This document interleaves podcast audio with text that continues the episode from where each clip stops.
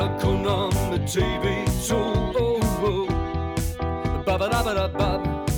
De er gode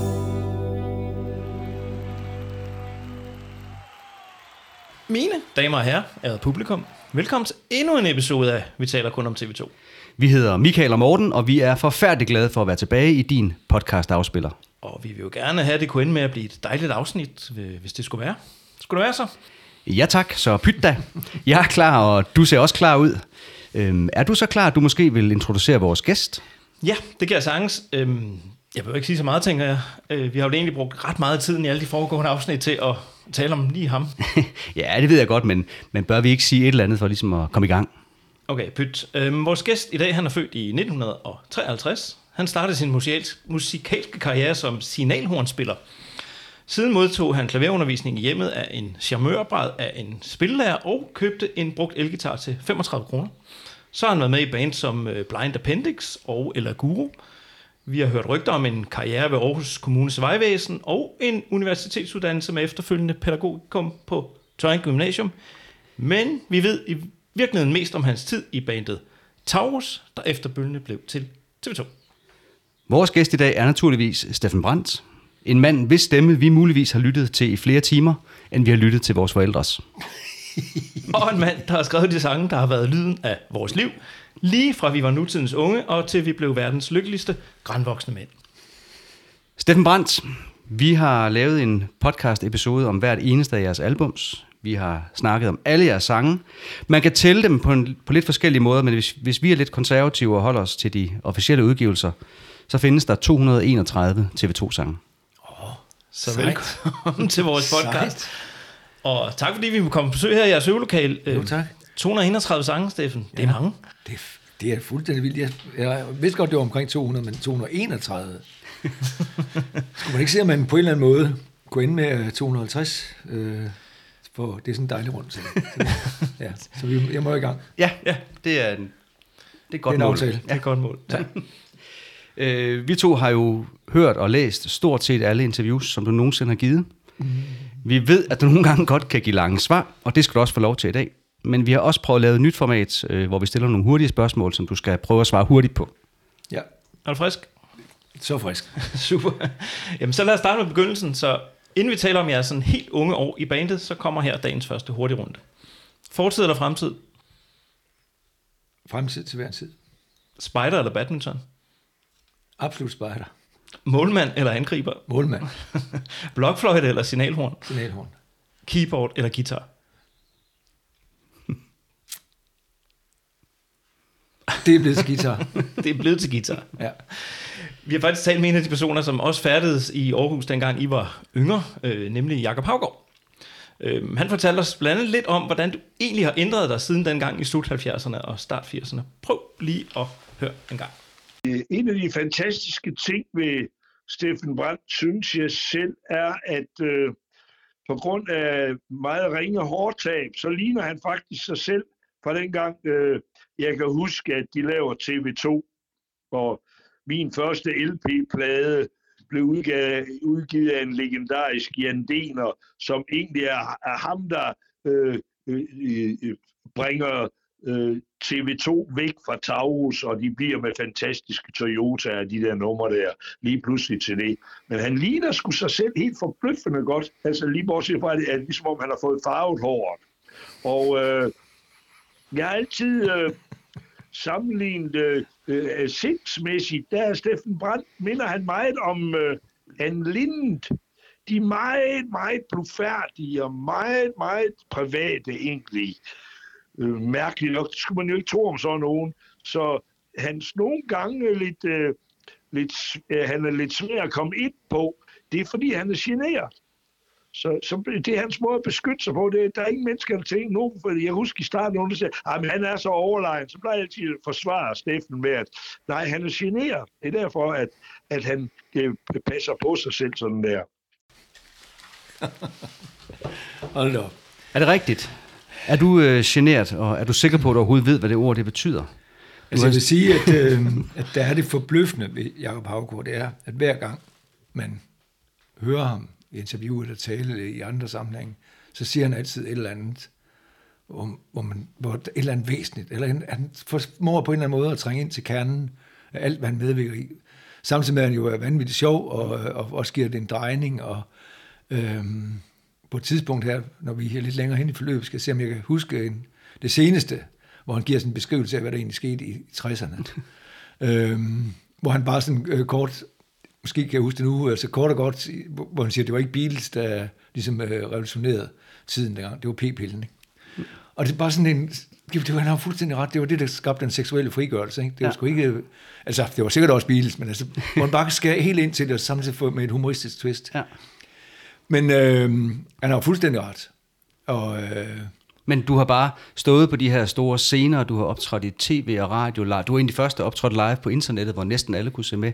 Mm. Ved du, hvad generet betyder, altså sådan for andre mennesker? Jo, men det er jo noget med, øh, altså det tog mig faktisk rigtig mange år, før jeg fandt ud af, når vi var ude med spille grønkoncerter, det er sikkert derfra, han kan huske det. Der, der synes jeg, det er jo vildt svært ligesom at gå ind til i de andres øh, område og sige hej eller sådan et eller andet, fordi jeg tænkte, hvor, jeg tænkte, de ville tænke, hvad fanden kommer han herfra, eller, eller sådan et eller andet, jeg vil ikke nødt at komme til ulejlighed. Mm. Men så fandt jeg ud af, at det, der, altså, og det har jeg fundet ud af i andre sammenhænge også, altså, hvis man kommer med en eller anden grad af oprigtighed, og, øh, og at af sig selv, så vidt man nu øh, kan være det, så skal man jo bare gøre det, man skal gøre. Og så opstår der akavede situationer. Det er det samme som hvis man, første gang man kommer ud for øh, alvorlig sygdom i, i den nærmeste familie, eller venner, eller dødsfald, eller et eller andet, så skal man jo spørge ind til det, man skal gøre det, man skal sidde ved et sygeleje, et dødsleje nogle gange, skal man sidde og, og kunne øh, konfrontere sig selv med den vanskelige situation, det er, faktisk at tage afsked med et menneske, mm. for eksempel. Ikke? Eller det at skulle øh, gå ind i en sammenhæng, hvor, øh, hvor man tænker, at det her det kan blive frygtelig pinagtigt, hvis man nu øh, øh, snubler over gulvtæppet eller et eller andet, ikke? eller man er uvelkommen. Men altså, hvis man har som grundprincip, eller som grundholdning har en eller anden form for øh, oprigtighed, eller det, jeg kommer med, med fred, ikke? så tror jeg, man kan overleve alting. Mm. Og det har taget mig cirka 150 år at nå frem til det. Så jeg vil ønske, at jeg har haft den indsigt øh, noget tidligere. Ja. Fordi det er faktisk, øh, jeg kan anbefale den. Og, og, og risikere noget, hvis man i øvrigt øh, har, har kun kommer med en god vilje. Det er ikke altid at tingene lykkes, men det, man kan i hvert fald gå derfra med en eller anden idé om, at det, man gjorde sit bedste. Ikke? Mm. Så han har fuldstændig ret. Den der generede, det, det, jeg tror også, den er blevet fortolket som en eller anden form for måske arrogance eller et eller andet. Ikke? Men øh, hvis der er noget, jeg ikke er, hvis noget, jeg ikke vil betegne mig selv som, mm. så er det arrogant. Øh, men, øh, er det så øh, generthed, eller er det arrogance, eller hvad, hvad har afholdt dig for at medvirke i sådan noget vildt med fangerne på fortet og dans øh, og andre programmer, som, som andre kendte jo står i kø for at medvirke i? Eller er du aldrig blevet spurgt? Jo, men altså, øh, altså jeg har jo sagt øh, fra begyndelsen af, at vi skal gøre med i Vild med Dans, ikke? så skal det være sammen med Johnny Hæftig.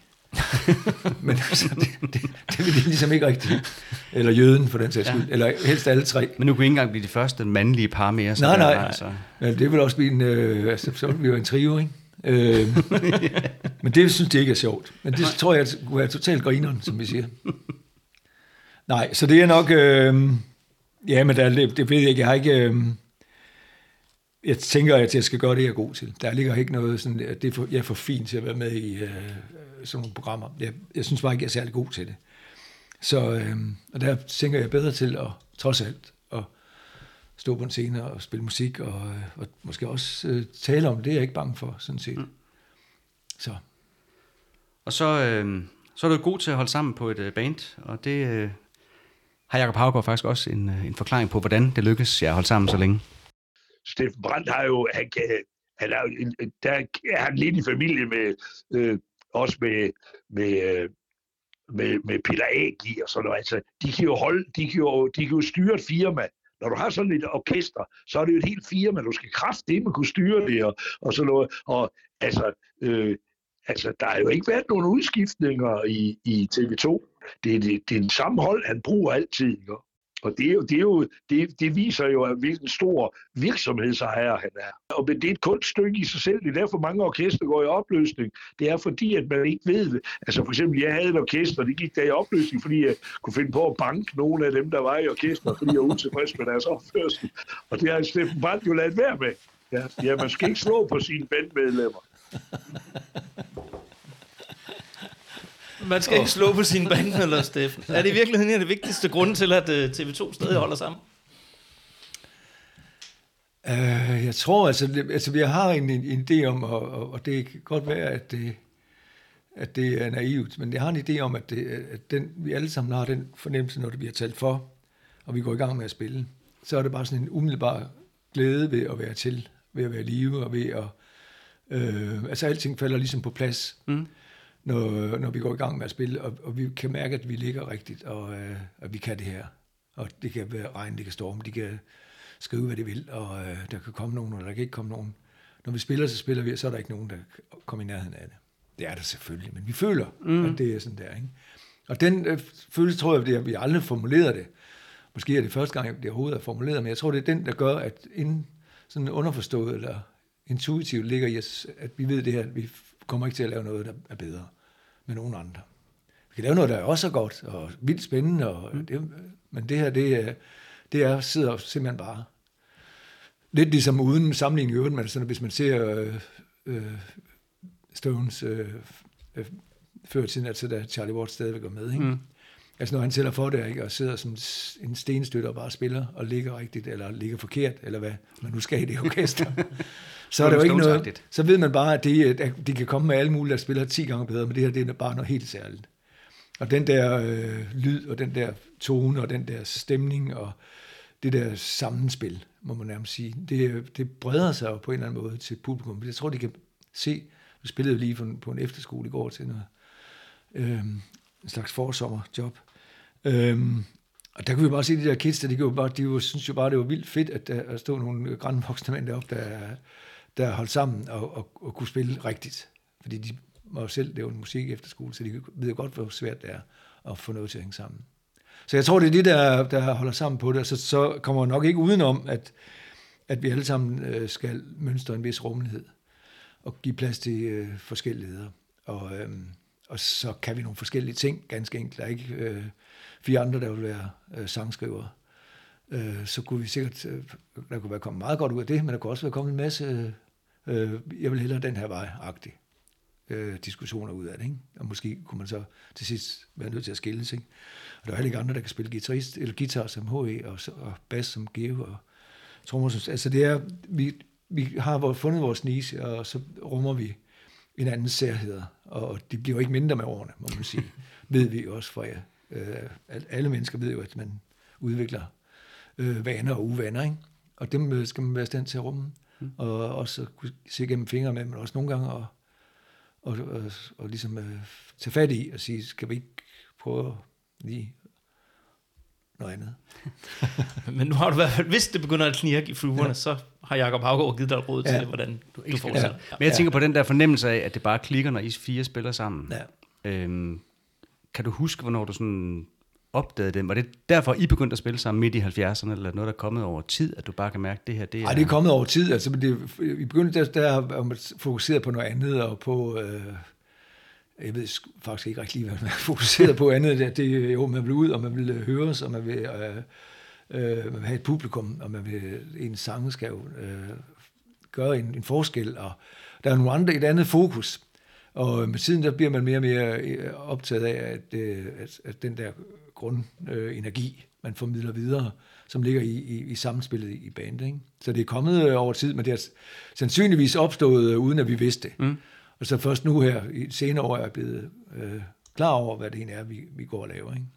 Men hvad var så ambitionsniveauet, da I så indspillede jeres første plade og sådan noget? Altså, gik I efter at blive sådan folkeeje og eksistere i 40 år, eller håber I mere på at blive sådan et... Øh, ja, Nej, jeg tror, at vores ambitionsniveau har altid været tårnhøjt. Vi vil, ja. vi vil komme for at blive. Ja. Det har der ikke været. Altså det, det, sådan skulle det være. Vi er ikke kommet for sjov, eller for, øh, fordi at vi heller vi noget andet, eller hvis ikke det her lykkes, så, så jeg, kan det også bare gøre noget, øh, jeg ikke gider lave, eller ikke har lyst til at være god til. Nej, det er hele tiden har planen været, øh, eller drømmen, kan man sige, hvis man skal skifte ambition ud, har drømmen hele tiden ja. været, at det her det skulle være for evigt. Mm. Øhm, sådan er det. Var den formuleret, den drøm?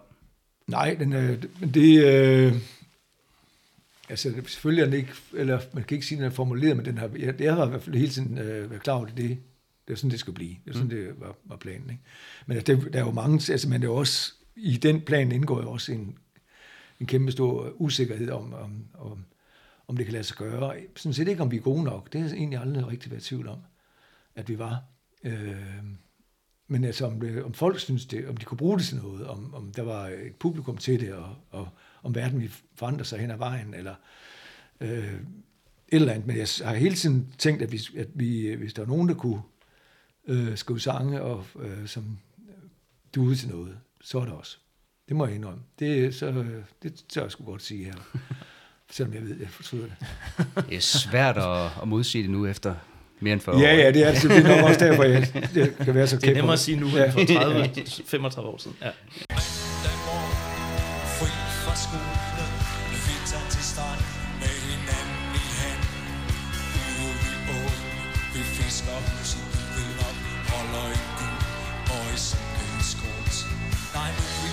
tættere på Kan jeg se, det er en gråt grøn japaner Af mærket Toyota kommer frem og tilbage Parkerer vi sandet med bilen fanden en flaske med portvin En hånd der griber op Ser jeg ud af øjenkrogen Kigger væk og bliver bange. Betonede ruder De dybede øjne Som ingenting ser Over havet Fantastiske Toyota Fantastiske Toyota Fantastiske Toyota. Fantastiske Toyota.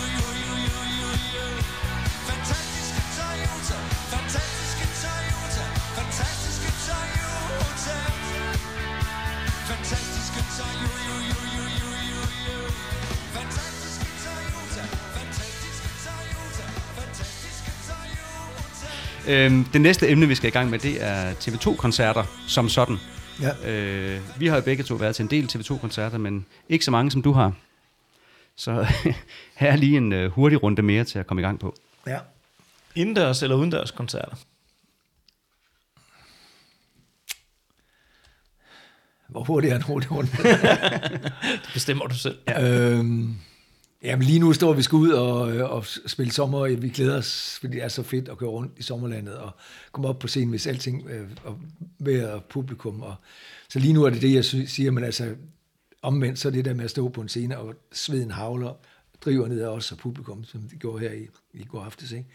Altså, hvor, øh, og det, er, det kan altså noget helt særligt. Så øh, det blev et både og. Godt nok, men det, det næste spørgsmål, det er nok lige så nemt. Bornholm eller Grønland?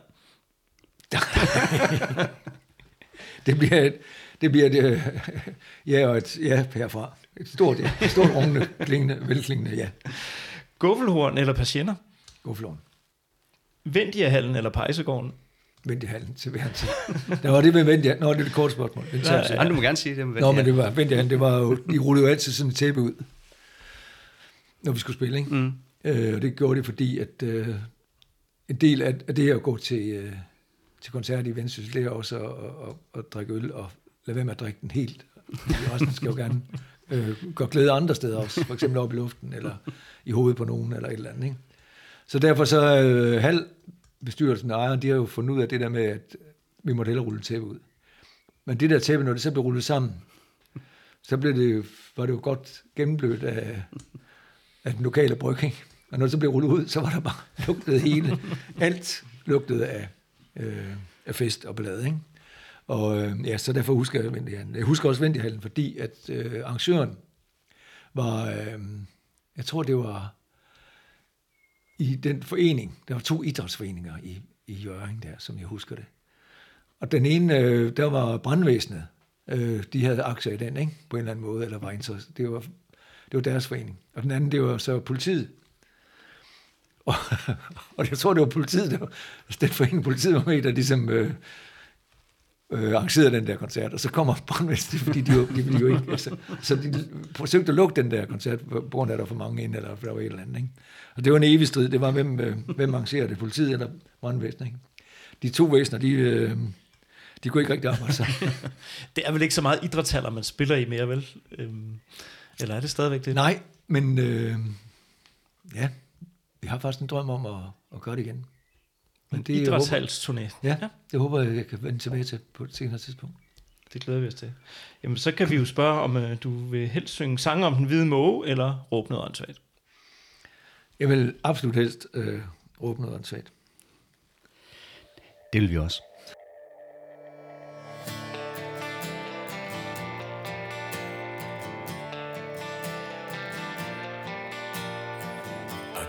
Søndag, det var Du var smuk som en drøm Og det var mere end nok Bryster i blusen Bonus i buksen Sommer Øh, vi har fået en mail fra Johan Olsen fra, Mag- fra Magtens Korridor, Ja. som øh, har haft mange fine oplevelser med jer i TV2, skriver han. Men, fortsætter han så. Forholdet blev sat på en alvorlig prøve i forbindelse med indspilninger i Medley-studiet. De, altså TV2, fik hele Magtens Korridor overbevist om, at vi skulle drikke champagne med tequila. Det er jo for helvede TV2. Dybt troværdige voksne mennesker, man kan stole på. Så vi drak champagne med tequila. Det kan jeg sgu ikke anbefale nogen at gøre. Men på trods af de ar, oplevelsen har efterladt, er jeg meget taknemmelig for at have lært bandet at kende. I må hilse Steffen mange gange fra mig. Champagne med tequila. ja. ja, men det er... fra? er det nogensinde en god idé? Nej, det er, en, øh, det er simpelthen øh, det mest åndssvage. Altså, der var jo, jeg kan ikke huske, om det er det, der hedder Tequila Slammers eller et eller andet, men vi gjorde det i hvert fald en gang, vi skulle spille i Ridehus i Aarhus. Fordi vi har fundet ud af, at, at efter koncerten var det rigtig godt og sjovt. Vi prøvede så også simpelthen, hvis det er så sjovt bagefter, hvorfor skal det sikkert også være sjovt, når vi spiller? Så publikum kunne få glæde af det. og så lavede vi de der tequila bum bum, som det ved siden, ikke? Og vi kunne hverken... Vi spillede jo forkert, og jeg kunne ikke huske teksterne, og det var, det var første eneste og sidste gang, vi nogensinde prøvede, øh, og fordi det, var, det gik helt i gage. Men altså i øvrigt har vi haft rigtig, rigtig mange gode oplevelser med Martens Korridor. Det er jo nogle sindssyge, det vi hader, jeg siger det. Men det var nogle sindssygt søde og flinke og, og sjove og gode folk på alle måder. Ikke? Så øh, Hvordan opstod det? Jeg tror, det opstod med... Øh, måske har vi bare råbt efter hinanden, når vi spillede. Jeg husker det mest som om, det var på Jelling eller Kløften eller et eller andet. Hvor vi, og de er jo berømt for at, at aldrig nogensinde at holde sig tilbage, når det gælder om at, at være godt humør. Så derfor så var tonen jo allerede høj, når vi, måske havde de, lige, så havde de altid spillet lige før os, når, når vi så ankom, så var de jo allerede i gang med, med næste, med tredje halvleg eller tredje sæt, ikke? Og så der, tror jeg bare, at, de, øh, at vi synes, det var, var virkelig, virkelig sjovt, ikke? Og, øh, og ja, på alle måder nogle, nogle øh, umiddelbare øh, mennesker, som så med en energi, som jo egentlig passede vores lidt mere jyske tilgang, rigtig fint komplementerede det. Mm. Og så, lavede, så tror jeg, de fik en idé om, vi skulle prøve, eller skulle vi have den med til en eller anden koncert. I hvert fald så fik vi idéen om, at de øh, skulle lave øh, eventyr for begyndere, eller eventyr for drømmere, mm. som den kom til. Ikke? Mm. Hvor der simpelthen en blanding af en af deres og vores sang. Og siden den tid, så øh, er det jo ubrydeligt venskab.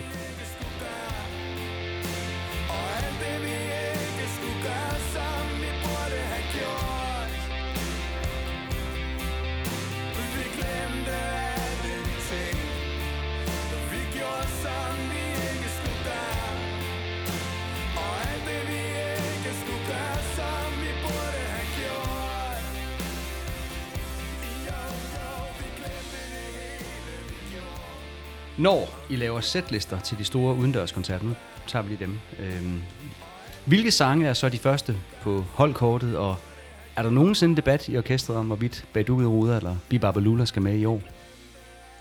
Nej, det kan godt være, at der skulle være en diskussion om det. Men det er der sådan set ikke. Der er nogen, der bestemmer.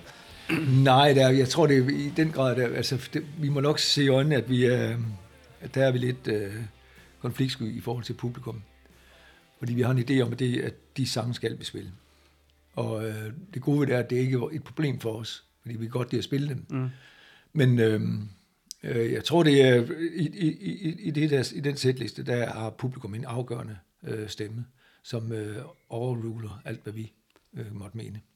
Så det er, det, det er publikum, der sætter sætlisten, og så øh, i, hvad skal man sige, et fint samarbejde med os, og så får vi sparket nogle øh, ting ind, som vi øh, synes måske også øh, kunne være sjovt for dem at høre noget, de ikke har hørt før.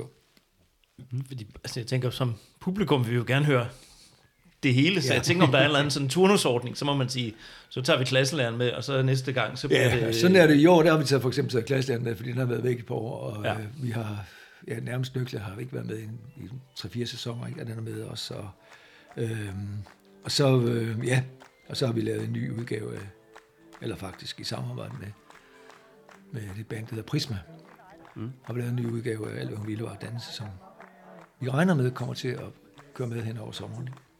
Spændende. Så, øh, så vi prøver hele tiden lige at, at blande korten. Så har vi lavet en ny udgave af, af øh, Vil du danse med mig? Som øh, vi virkelig synes øh, knaller til den. Så, øh, så vi prøver sådan at, at, at lige tage nogle ting med, som, som også øh, øh, udfordrer både os og publikum. Når vi siger, I tager publikum med i, altså, øh, lytter I så også til, hvad, hvad der for eksempel bliver skrevet i fanforer, og øh, nu er der skrevet på Evelyn i mange år, og sådan Ja. noget, altså, er det, er det også ja, men på altså, den måde? Det, ja, det, men det, igen så... Øh, altså, fordi vi har mange sange, som vi tænker, det er, hvor kunne det være fedt at spille det, men det er for der er jo ikke nogen, der, der kender den. og øh, og, og det, og det var virkelig frustrerende, fordi der er så mange øh, sange, som jeg egentlig gerne vil spille, men som også øh, på en eller anden måde... Altså, vi er jo ikke kun... Øh, står ikke kun deroppe for vores egen skyld, vi står også for og på en eller anden måde at få en, en, øh, et, et, et samvær, en, en sammenhæng øh, med et publikum. Ikke? Og, øh, og der har vi en forestilling om, at Evelyn, det er sådan en, en meget niche-betonet ting, som, øh, som er dejlig at spille, men den øh, den er også meget øh, øh, enkel, og at det er ikke en sang, som ligesom vælter øh, verden. Det behøver det heller ikke gøre alle sammen. Øh, Lanternen er jo også meget enkel i sit budskab. Men øh, Evelyn er sådan på en eller anden måde lige, balancerer lige på kanten af det er meget indlysende. Mm. Og derfor så synes vi, det er sjovt at spille, når vi spiller i Bornholm eller Grønland, eller det, vi skal spille den på Grønland. Det, ellers så går vi aldrig hjem. Jeg skal synge en a cappella deroppe. Men altså, det er fuldstændig rigtigt. Den er dejlig at spille, den er dejlig enkel og, og lige til. Men øh, der er et eller andet med at stå deroppe og spille noget, s- som man selv synes er skide godt. Så står kan man se, at folk de bliver sådan lidt restløse. De begynder at støde hen og bare tænke, så skal vi, skulle vi måske finde på noget andet. Altså, fordi så ja. Ja. skulle vi bare stå og spille. Jeg har hørt Paul McCartney fortælle om det, når han giver koncert, at han ser det her lyshav af folk, der står og filmer hele koncerten. Ja. Ja. Og når der så kommer en nyere sang, så er det Ja. bare sort. Ja.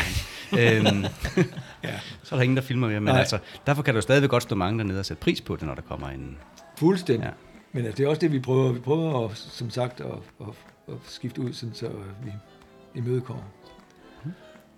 Øhm, når man står nede foran scenen øh, og hører Bornholm, Bornholm, Bornholm sætte i gang, så kommer der sådan en helt særlig fornemmelse i kroppen. Man glæder sig ekstra meget til det, der venter. Man bliver glad og forventningsfuld. Hvordan virker det på jer, når I hører den ude bag scenen, hvor I skal, lige før I skal ind? Øh, hvad er det så for fornemmelse, I bliver ramt af, når I hører Bornholm, Bornholm, Bornholm? Og hvordan virker den, hvis du for, for eksempel en dag hører den i civil, hvis du ude og køre i bil, eller hører den i radioen, eller et eller andet?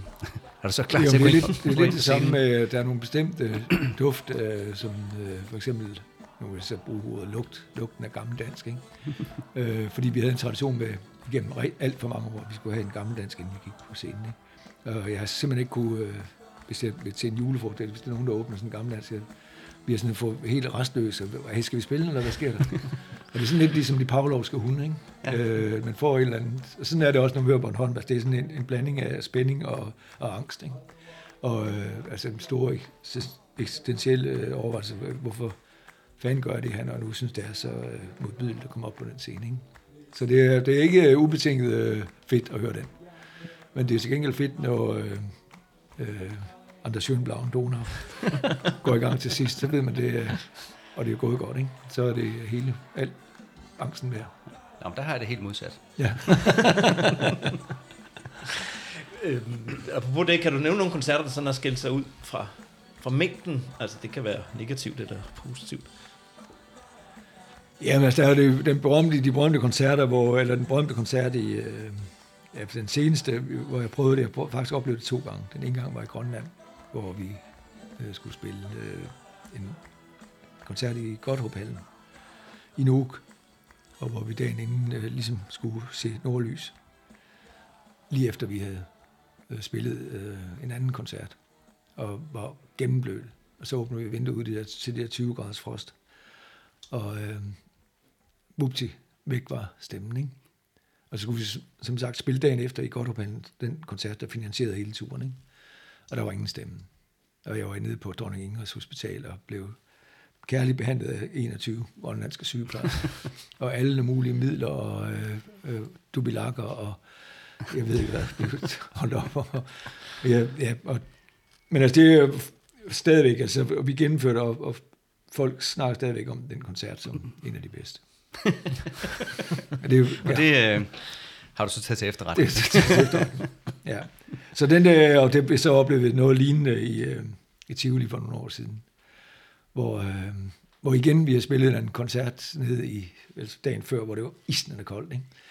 Og, øh, hvis man lige har ansat til en eller anden form for, øh, for øh, virus eller et eller andet, og, og det er samtidig koldt, og man står og skal spille, så går det direkte på stemmen. Ikke? Mm. Altså der skulle vi så spille, og vi vidste, at der ville komme 25.000 mennesker. Ikke?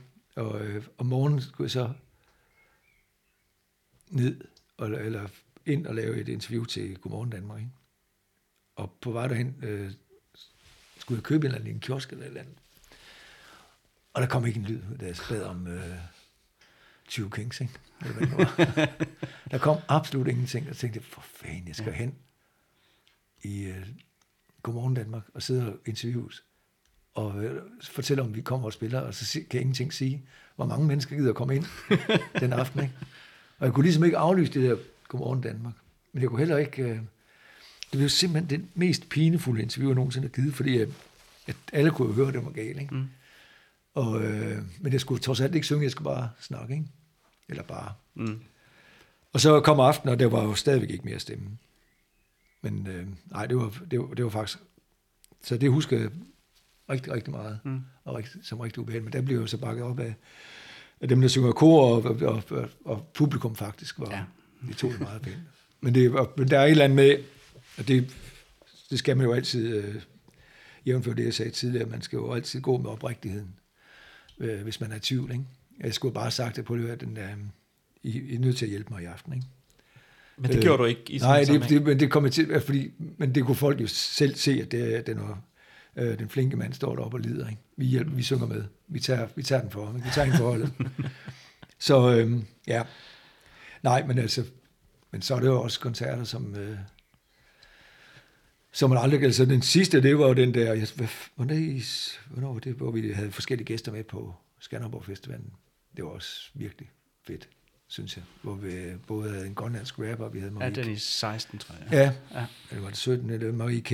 og, og uh, Minds of 99, The Minds of 99, ja. og uh, Tina Dikov, og så uh, ikke mindst uh, Velvet Volume, Ja. som gik ind og spillede en forrygende udgave af Hallo Hallo. Ja. Det husker jeg som meget mindeværdigt. Og så faktisk her for nylig uh, havde jeg fornøjelsen af at, åbne uh, den nye scene på Spot Festivalen, sammen med det band, der hedder Prisma. Det var også, det synes jeg også selv var rigtig, rigtig fedt.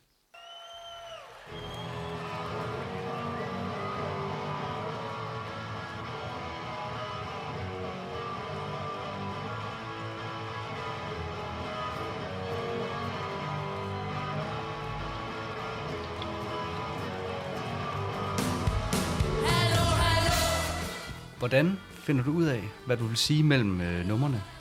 Hvem afprøver du det på, og hvordan ved du, at det er blevet tid til at prøve at sige noget nyt? Hvis du nogensinde siger noget nyt. tak for det. Nej, men det ved jeg ikke. Altså, det, øh, det, jeg bruger faktisk meget tid på det. det man skulle ikke tro det, men det, det, øh, og det er også, det, hvis jeg snakker med, med øh, yngre kollegaer, som, øh, så, så har vi tit snakket om, at, det, at øh, al den tid, de bruger på og sociale medier og på at, og style sig, og, altså, der, skulle de, øh, at der kan man med fordel bruge noget tid på at, øh, at, at formidle, hvad det er, man øh, står og laver, og, og prøve at skabe en kontakt med publikum. Og øh, fordi det er altså... Øh, specielt kan man sige, nu øh, har vi lige været ude med symfoniorkester, hvor der var ligesom var plads til at, at, at præsentere sangen og prøve at fortælle nogle historier, som, øh, som øh, på en eller anden måde øh, antyder, hvad det er, der skal til at, at ske. Så, øh, så kan man faktisk øh, på en eller anden måde bane vejen for, at sangen får et bedre liv øh, i situationen, eller den efterfølgende situation. Og det, der måske ikke undervurdere den der kommunikation, der ligger i, at, øh, at man øh, præsenterer øh, sangene øh, på en, en enten humoristisk eller en skarp, eller øh, hvad man selv synes er skarp måde. Så øh, jeg bruger faktisk mere tid på det, man umiddelbart skulle tro. Øh, og, og så kan det godt være, at jeg lige gå ud og spørge en øh, monitormand, hvad, hvad siger du til det? Nej, det skulle du sgu ikke sige. Med det. det tror jeg ikke godt. Det, det, er ikke, det er ikke alle, der forstår din humor. Nå, okay. Og det er der vidderligt ikke, og det er jeg heller ikke nogle gange, jeg er også selv i tvivl om. øh, nogle gange skræmmer jeg mig selv over, hvor, hvor, hvor fjollet jeg kan være. Så, nej. Så, øh, men ja, Men altså, du har jo skrevet, ja, udover det, du skriver med numrene, altså du skal sige, så har du også skrevet et utal af sange, du har indspillet plader, du har haft hits, du har givet koncerter, og ja, flere end man kan tælle. Store og små scener, det meste af verden, og du har optrådt sammen med en bred vifte af forskellige kunstnere, og ja, du har lige taget prøvet mere, end de fleste af dine kolleger nogensinde øh, kunne drømme om. Men nu kommer der et stort spørgsmål. Mm. Hvad mangler du at prøve? Jamen, jeg synes ikke, øh, altså, jeg er ikke styret, øh, mit liv er ikke styret på den måde, af, af noget, jeg skal nå, eller noget, jeg mangler, eller noget af sådan en, øh, en to-do-liste, en eksistentiel to-do-liste, eller karrieremæssigt. Det, det, jeg er vildt glad for det flow, der er lige nu med, med bandet, og, og de forskellige formater, vi, jeg synes, vi, vi kan både spille akustisk, vi kan spille med symfoniorkester, vi kan spille som kvartet, og vi kan alle mulige ting øh, i alle mulige samlinger, på alle mulige scener. Der er ingenting, øh, vi, øh, vi er bange for i hvert fald. Vi synes, vi kan det hele, ikke? Og det øh, og samtidig med, at jeg har en frihed til at lave nogle ting alene, eller i dueformat, eller med øh, det, jeg laver på Bornholm uden for sæsonen med, med forskellige kunstnere, der går sammen og laver nogle koncerter derovre. Altså det, øh, jeg kan sådan set ikke rigtig komme i tanke om, om noget, øh, og hvis de tænker på, om jeg skal, jeg skulle gå til filmen, så har jeg været der. det var bestemt ikke nogen succes. Øh, det var en kortvarig øh, testfilming til en, en Niels Malmros film. Øh, hvor jeg skulle spille. Jeg tror, det blev Søren Østergaard, der kom til at spille rollen i stedet for. Det synes jeg faktisk, han gjorde rigtig godt. Når nu ikke det kunne blive mig. Kærlighedens smerte, eller? Ja, var det ikke den?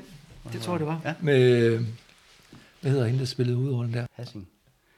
Det var hende. Det var hende, det er rigtigt. Det var det, det var. Og det, øh, det var den der prøvefilm, det, det, øh, altså, det var meget, altså, det, alle, det, eller mine folk omkring sagde, hey, gør det, det koster da ikke noget at, at, at prøve det, ikke? Jeg tænkte, jeg skal simpelthen bare ikke ind og være skuespiller. Det, og så, øh, jamen, det var lige meget den der rolle, der jeg kunne, du, lige sådan en, der kunne spille, og du, ja, så dumt, så, og så gik jeg så til den der prøvefilm der, ikke?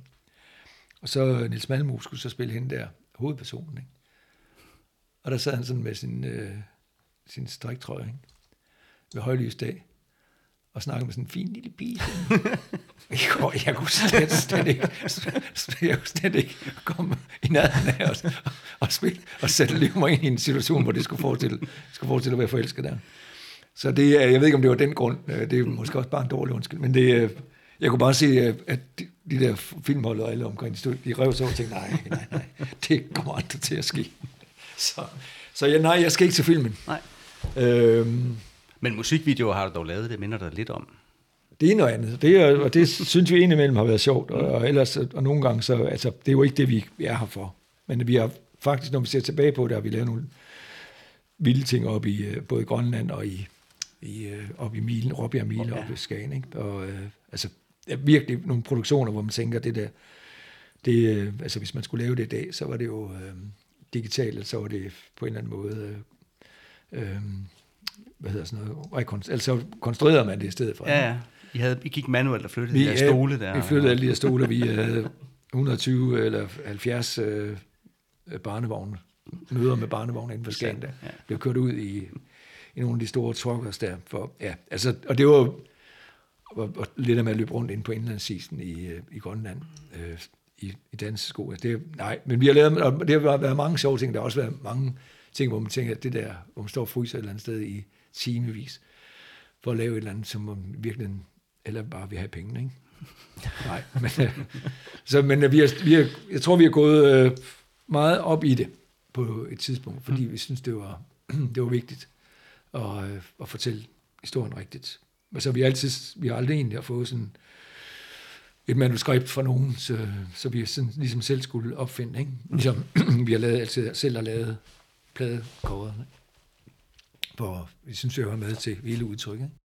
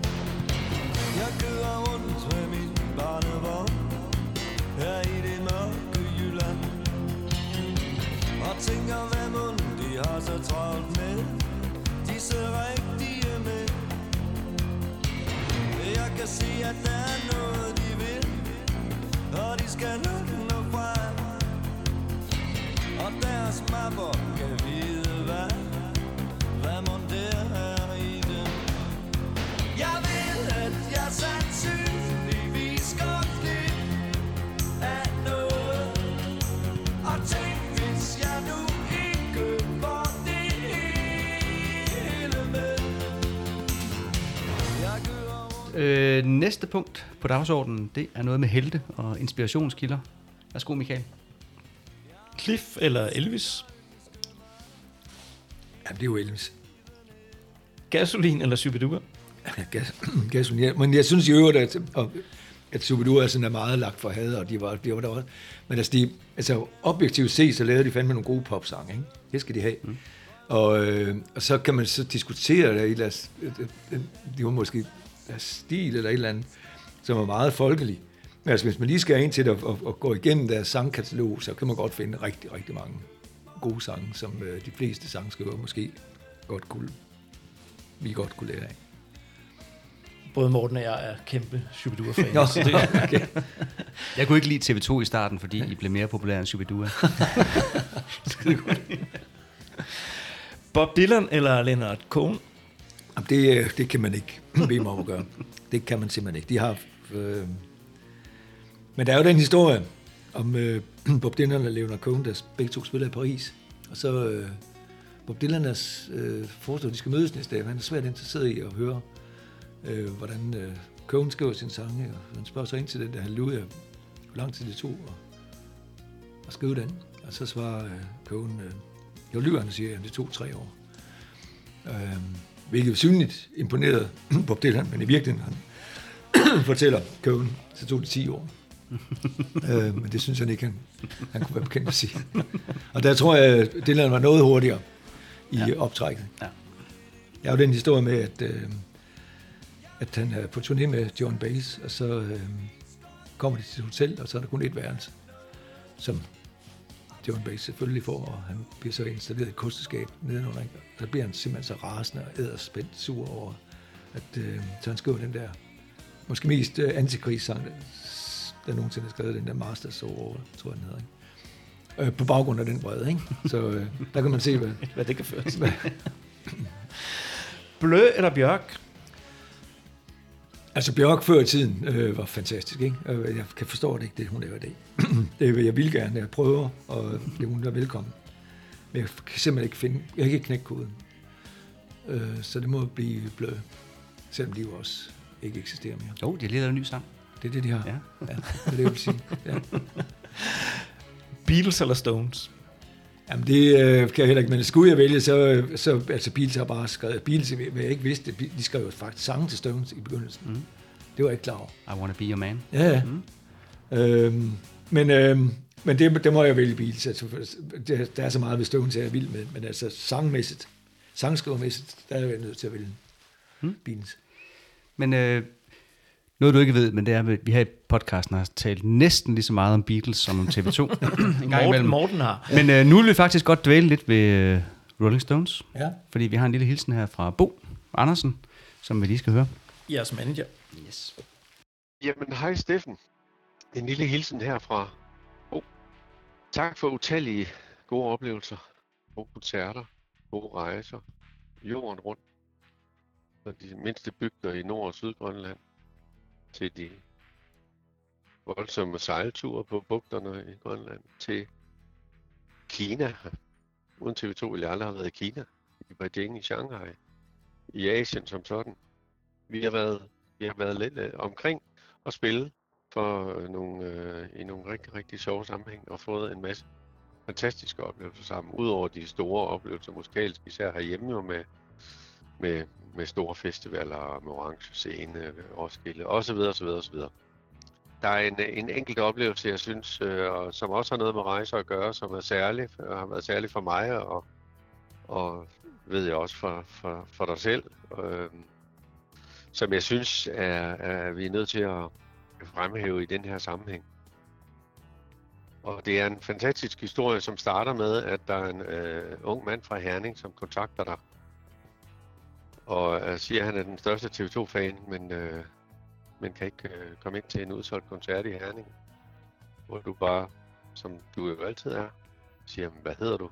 Jamen godt, det skriver jeg lige ned. Øh, dit navn ligger i døren, så kommer bare til koncerten.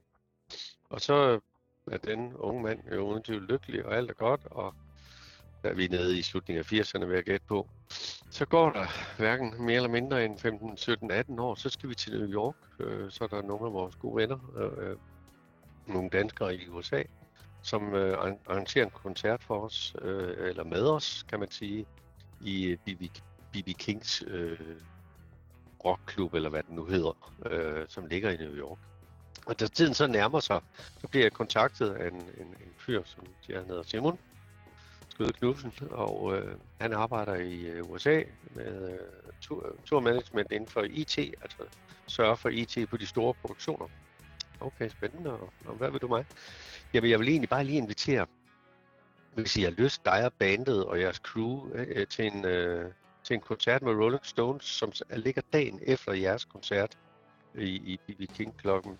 Øhm, og hvis I har lyst, så, eller hvis teknikerne har lyst, vil jeg gerne give dem en teknisk rundvisning om eftermiddagen, og, øh, og så er bandet velkommen til bare at, at komme, måske lidt før koncerten, timer før koncerten, og se, hvor, hvad det er for noget, og hvor vi er.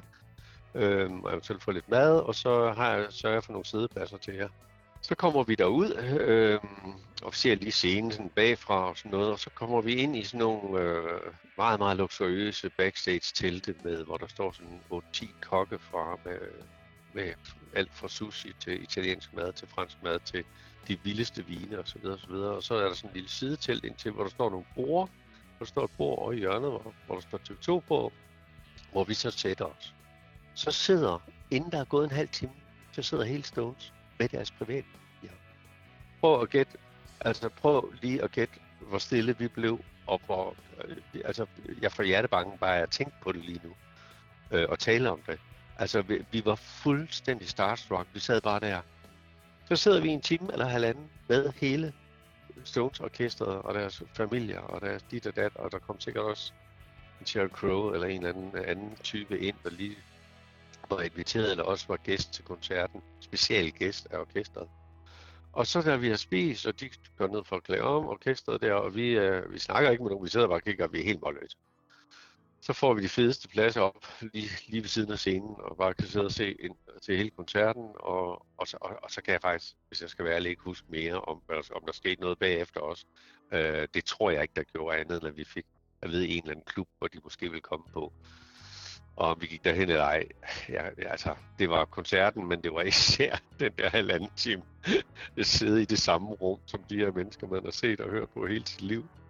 Øh, det, er, det er den vildeste, det er den største, det er den skørste, den mærkeligste, den mest fantastiske oplevelse, som det her orkester og du, Steffen, øh, har været med til at skabe for os. Det er, ja, det er for, det er for sindssygt. Så øh, det er min lille hilsen og historie til, til dig med en stor tak for 41 fantastiske år indtil videre. Og øh, vi kører videre. Ja, det, var- det var vildt. det var det.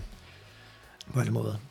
Hvad var det største flueben bagefter? Var det, at I havde, selv havde spillet der, eller I havde været backstage med Rolling Stones? Ja, men det med at, at spille på, øh, altså det lå jo lige øh, en af sidegaderne til Broadway. Øh, det der B.B. Kings Blues Club and Grill. Fordi der er det jo, derovre der er det jo altid and grill, ellers hænger det jo ikke sammen. Man skal have noget at spise i USA. Øh, så går musikken i anden, anden række. Nej, men det var, øh, det var selvfølgelig at, at, at komme være til den der koncert og opleve, øh, hvordan det også kan være. og, altså, men alt det allerbedste ved det er den der historie, der ligger i, at man på et tidspunkt er bare er, er, naturligvis er imødekommet over for en eller anden øh, ung gut, der ikke har nogen penge og ikke kan få komme ind, og, og så går der 18 år eller 15 år eller et eller andet, og så, øh, så kommer det ligesom tilbage til en eller anden, hey forresten, øh, jeg kan huske dengang, øh, kom. Og det er, der ligger et eller andet i det, som øh, er min øh, fuldstændige grundholdning til alt. Det er, at øh, man skal øh, man skal simpelthen bare prøve at, at, at give noget godt fra sig, og så øh, ikke for ikke en eller anden købmandsforretning, men så får man noget godt igen. Det føles bare allerbedst. at, øh, og når det så endelig, altså, hvis det engang imellem viser sig, at der rent faktisk er en balance i det, så, øh, så hænger det rigtig godt sammen for, for mit vedkommende. Og den der historie, der ligger i det, det, øh, det gør jeg nogle gange, hvis vi er lidt i tvivl om, hvor vi er på vej hen, og hvad vil verden, og øh, hvad skal vi med AI, ikke? Og, øh, ja, hele, alle de store ting, der er oppe i, i øjeblikket, ikke? Så tænker jeg på, at der, der er jo nogle helt elementære øh, vir, øh, øh regler, der gælder om, at, øh, at man får det, man giver ud. Ikke? Øh, og det kan jeg godt lide, at det dybest set, uanset hvad vi finder på, så er der bare en eller anden grund, øh, grundvilkår, som handler om at, at prøve at, at, at, at efterlade verden i en bedre stand, end man kom. Ikke? Og alting vender tilbage, som du selv synger ja, på et tidspunkt. Som tragedie, som fars, Ja. ja. som B-film, som postkort fra Amerika. Præcis. Øhm, I har jo arbejdet sammen med Bo altid. Hvad har han øh, betydet for jer? Jamen, det har bare været et, øh, et fint uh, samarbejde, fordi det, øh, øh, at der er også øh, der er mange ting omkring sådan et band, som, øh, som vi ikke selv øh, skal kunne løse, og der er også nogle, nogle øh, hvad skal man sige, nogle forhandlinger, og rent, det er rent øh, praktisk i at, at drive et orkester, og, og, og, og arrangere nogle koncerter, og forhandle med øh, festivaler og alt muligt, som, øh, som vi jo simpelthen ikke skal overhovedet blandes ind i, fordi vi skal sørge for, at der er noget øh, at, at, at snakke om. Øh, og, og så skal, er der nogen, der skal sørge for. Og, der har vi en tillid til, at øh, eller haft en tillid til, at han repræsenterer orkester på bedste vis med, med at opføre sig ordentligt, simpelthen. Og være, altså, hvis der er nogen, der... Altså, hvis, Ja, altså vi skal have det, vi skal have, men vi skal heller ikke have det for enhver pris. Vi skal heller ikke have mere, end vi skal have, øh, for eksempel. Sådan, mm. øh, det er sådan en grundregel, synes jeg. Ja. øh, vi skal ikke ud og være grådige, vi skal ikke ud og, øh, og vi skal bare øh, sørge for, at, ja, som indebærer en, en god forretning, øh, sørge for, at, at, at begge parter synes, de, øh, det har været fint, sådan, set for den forretning. Og der synes jeg, han har været virkelig lojal og god øh, til at, at, at implementere den holdning i det pra- daglige praksis.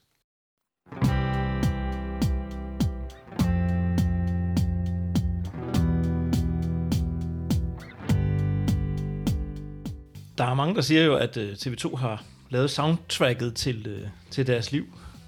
Morten og jeg, inklusiv. Hvem har lavet soundtracket til, til dit liv? TV2. ja, nej. men, nej, men det er der jo mange, der har. Men øh, at det skifter jo hele tiden. Øh, og øh, altså, der er jo ikke, et- der er ikke et bestemt band, der ville være rimeligt at, at slå ned på. Men altså, det, det kunne vi kunne lave en helt, en helt bestemt, specielt afsnit om det. Det kan vi gøre en anden gang. Men altså, det... Øh, Øh, ja, som sagt, det skifter lige, lige nu er vi jo i en tid, hvor øh, der sker rigtig meget derude, og, øh, og ja, hvis man bare skulle fokusere på det, så øh, synes jeg for eksempel, hende Billie Eilish, synes jeg er, mm. er virkelig spændende. Ikke? Og øh, det er jo på en eller anden måde, hun er jo et andet sted, hun er en ung kvinde på 21, ikke? 22 er hun blevet måske. Øh, men øh, hun, det er bare, der er noget i hendes øh, attitude og approach, og altså udover sangen og produktionen er det er sådan helt vildt spændende og anderledes og nærværende og sådan modig. Der er noget mod i hende, og når hun vil noget, og hun er indimellem vred, og indimellem så sætter hun nogle ting på plads. Og så er det bare i en musikalsk iscenesættelse, som jeg synes er vildt, vildt inspirerende. Så øh, det er hun er soundtrack til mit liv lige i øjeblikket, vil jeg sige. Sammen med hende, der hedder L-O-R-D-E, Lorte. Det ja. tror jeg, det udtales, ikke? Som har, kan lidt af det samme. Og så er den der øh, approach med, at de skal ikke komme her. Samtidig med, at der er en dyb øh, smerte og kærlighed i, i de sange der, ikke? Så det må vel nok nærmest være der, vi er, så hvis vi skal begrænse det lidt. Lad os gøre det. Øhm, Der findes mennesker derude, som har fundet sammen øh, på grund af jer. Og de har måske endda opkaldt deres børn efter medlemmer af orkestret. Og måske har de ligefrem bosat sig i Herlev, fordi det er skønt. Og så har de købt sig en fantastisk Toyota Yaris. Hvordan øh, føles det for dig at have haft sådan en indflydelse på så mange menneskers liv? Og, eller hvordan er det at have fans? For det har du jo. Jamen, det er... Øhm, når jeg lige tøver lidt, så... Øh, det, jeg tror aldrig rigtigt, jeg har prøvet, og jeg har også sådan formået at trænge ind bagved, hvad, hvad der ligger i det. Altså, jeg kan ikke mobilisere andet, ret meget andet en formulering af, at, det, øh, at jeg er glad for, at der er nogen, der kan lide det, vi laver. Jeg sætter virkelig pris på, at det, øhm, at det at vi når ud med, med nogle sange, som har betydning for nogen. Det er øh, en stor, stor glæde og ære og, og stolthed øh, øh, og, og, og være og have haft den indflydelse. Det, det er det tætteste, jeg kan komme på det, fordi det, altså, det er ikke, jeg står ikke op om morgenen og tænker, der, at der er nogen, der, der har, har øh, levet deres liv, eller har brugt deres, vores, vores sange. Sådan. Men jeg, når vi snakker om det, og når jeg kan se, at vi spiller, og folk er glade for det, eller der kommer nogen hen, så er jeg virkelig taknemmelig for, at det forholder sig sådan. Øh, det må jeg sige. Det er en stor, stor glæde, og det, det kan også... Øh, ja, det, øh, det, det bliver man selvfølgelig glad af. Mm. Jeg tror ikke, jeg kan komme det tættere. Men jeg vil godt arbejde på det. Skriv nogle flere sange. så, men apropos det, har du nogensinde været sådan jaloux på nogle andres sange, som i den gad jeg godt nok godt har skrevet ja. eller komponeret? Ja, det er da helt sikkert. Rigtig mange. Gang, ikke? Jo, jo det, jeg tror nok også, jeg er misundelig og jaloux, og det ved jeg, men det var bare at tænke, hold kæft, og en sang, ikke? Var det godt lavet, ikke? Og, øh, og, men der kan også ligge, det er sådan blandet med en eller anden form for beundring og en eller anden... Ja. Øh, hvor, og, og, fordi nogle af, der er også mange af dem, hvor man tænker, det må egentlig godt gå godt. Altså, fordi de er, det er sgu dejlige mennesker, og øh, nogle gode, øh, nogle af dem er blevet mine gode venner og sådan noget. Ikke? Altså, det, det må jeg egentlig godt lide. Øh, men altså, så kan man også se nogle, altså, nogle sange, hvor man tænker, det der, det er bare spot on. Ikke? Altså, nu kan jeg jo bare nævne den lige, hvad der lige falder mig ind nu, men altså, øh, Paul Kre- Krebs med Johnny var lige ved at blive sindssyg. Ikke? Mm-hmm. Øh, det er fandme godt set, ikke? at lave en sang, øh, der hedder det, ikke? Og som så omkøb bliver sådan en, som alle vil høre, og, mm. øh, fordi alle på en eller anden måde kan relatere til det. Nogle af Johnny Madsens eller Allan Olens sange, ikke? Øh, øh, hvor der også bare er sådan et eller andet nærvær i det, øh, taget ud af en, en, en kontekst, som bare til er, at man går ud af døren, og så sker der et eller andet, ikke? Øh, lige for næsen af en, som bare er så jordnært og så, øh, øh, så godt beskrevet, fordi det berører os alle sammen. Marie K., øh, nogle af hendes sange, som også på en eller anden måde har sådan en, den der dagligdags snært af noget, som vi alle sammen kender, og som bare lige øh, gør det, som man skal gøre som sangskriver. Man skal jo faktisk, ens opgave er på en eller anden måde at formulere det liv, der bliver levet på alles vegne. Så øh, og der, der, kan, jeg- der kan jeg faktisk godt, rigtig godt glæde mig over, at, at, at nogen... Øh, og så, så hvis jeg endelig skal nævne... Øh, øh så øh, for eksempel nogle af vores kolleger der, øh, som Knæk, som øh, den der Den dejligste morgen i 100 år, jeg lever, synes bare, det er en virkelig god sang. Ikke? Mm. Og den der energi, der er den, ikke? Altså den der, åh, man kan lige se, man kommer ud, af den der undtagelsesvis begejstring, man kan have over et eller andet, ikke? Det, sådan, det, det, det, øh, det ligger egentlig ikke, når, når det bliver så godt som det, så, så tror jeg, det overhaler misundelsen indenom, ikke? Lige den sang har jeg det jo også med, fordi det var den første, der blev spillet, da jeg kom ud fra hospitalet, efter min datter var blevet født, da jeg kørte hjem for at Ja. fodre vores katte. Ja. Så spillede den radio. Ja. Så der overhalede de lige TV2 Ja. i soundtrack. Der. Johnny han var lige ved at blive sindssyg Men det havde han allerede glemt Noget af det, der kendetegner dig og, og TV2, er, at I aldrig har været bange for at hjælpe andre kunstnere på vej. Og det handler de næste spørgsmål blandt andet om. Allerførst en øh, hurtig runde. Ja, Læderjakke eller jakkesæt, jakkesæt. men ikke fra Armani. Gerne. Sort eller dublå. øh, gerne sort. Randers eller Skanderborg station. Ja, så man kommer jo, på en god dag kommer man igennem begge. Så øh, jeg vil nok øh, stige på i Randers og springe i, Randers, i Skanderborg. Marilyn Monroe eller Yvonne Ingdal. Yvonne Ingedal. Ung eller grænvoksen. Altså, jeg går med grænvoksen for anstændighedens skyld. Da vi skulle i gang med at lave den her podcast, så skulle vi lige spørge om lov først. Øhm, og så valgte vi helt bevidst at spørge Svend, fordi vi tænkte, han måske var nemmere for til at sige ja end, det, end dig. Vi er jo ikke sikre på, at du kunne se det gode øh, i det her projekt. Men øh, nu har vi lavet mange afsnit, og der er rigtig mange, der, der lytter, og øh, der er mange, der har skrevet til os, at de undervejs har genopdaget, eller måske ligefrem opdaget sange eller albums, de ikke øh, har lagt mærke til. Så øh, nu er vi faktisk holdt op med at ville undskylde over for, at vi laver den her podcast. Nu står vi ved det. og, øh, og så har vi fået en hilsen fra en, som bor på Island, og øh, hun kan også godt forstå, at vi har haft lyst til at lave den her podcast. Hej Michael og Morten, og hej kære Steffen.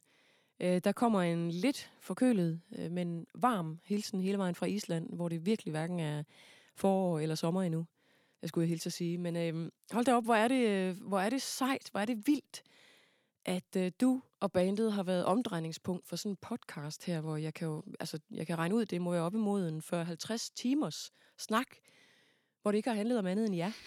øh, men, men man forstår jo godt, at hvis øh, det kan lade sig gøre med noget band, så er det sgu da TV2 og dig og jeres musik og alt den tid, som den musik spænder henover. Det er jo simpelthen dansk sjæl, øh, dansk DNA, det handler om. Det er jo en endeløs stribe af fantastiske sange og geniale idéer og de store temaer, som, øh, som rammer os alle sammen og får os til at, at tænke og føle en hel masse.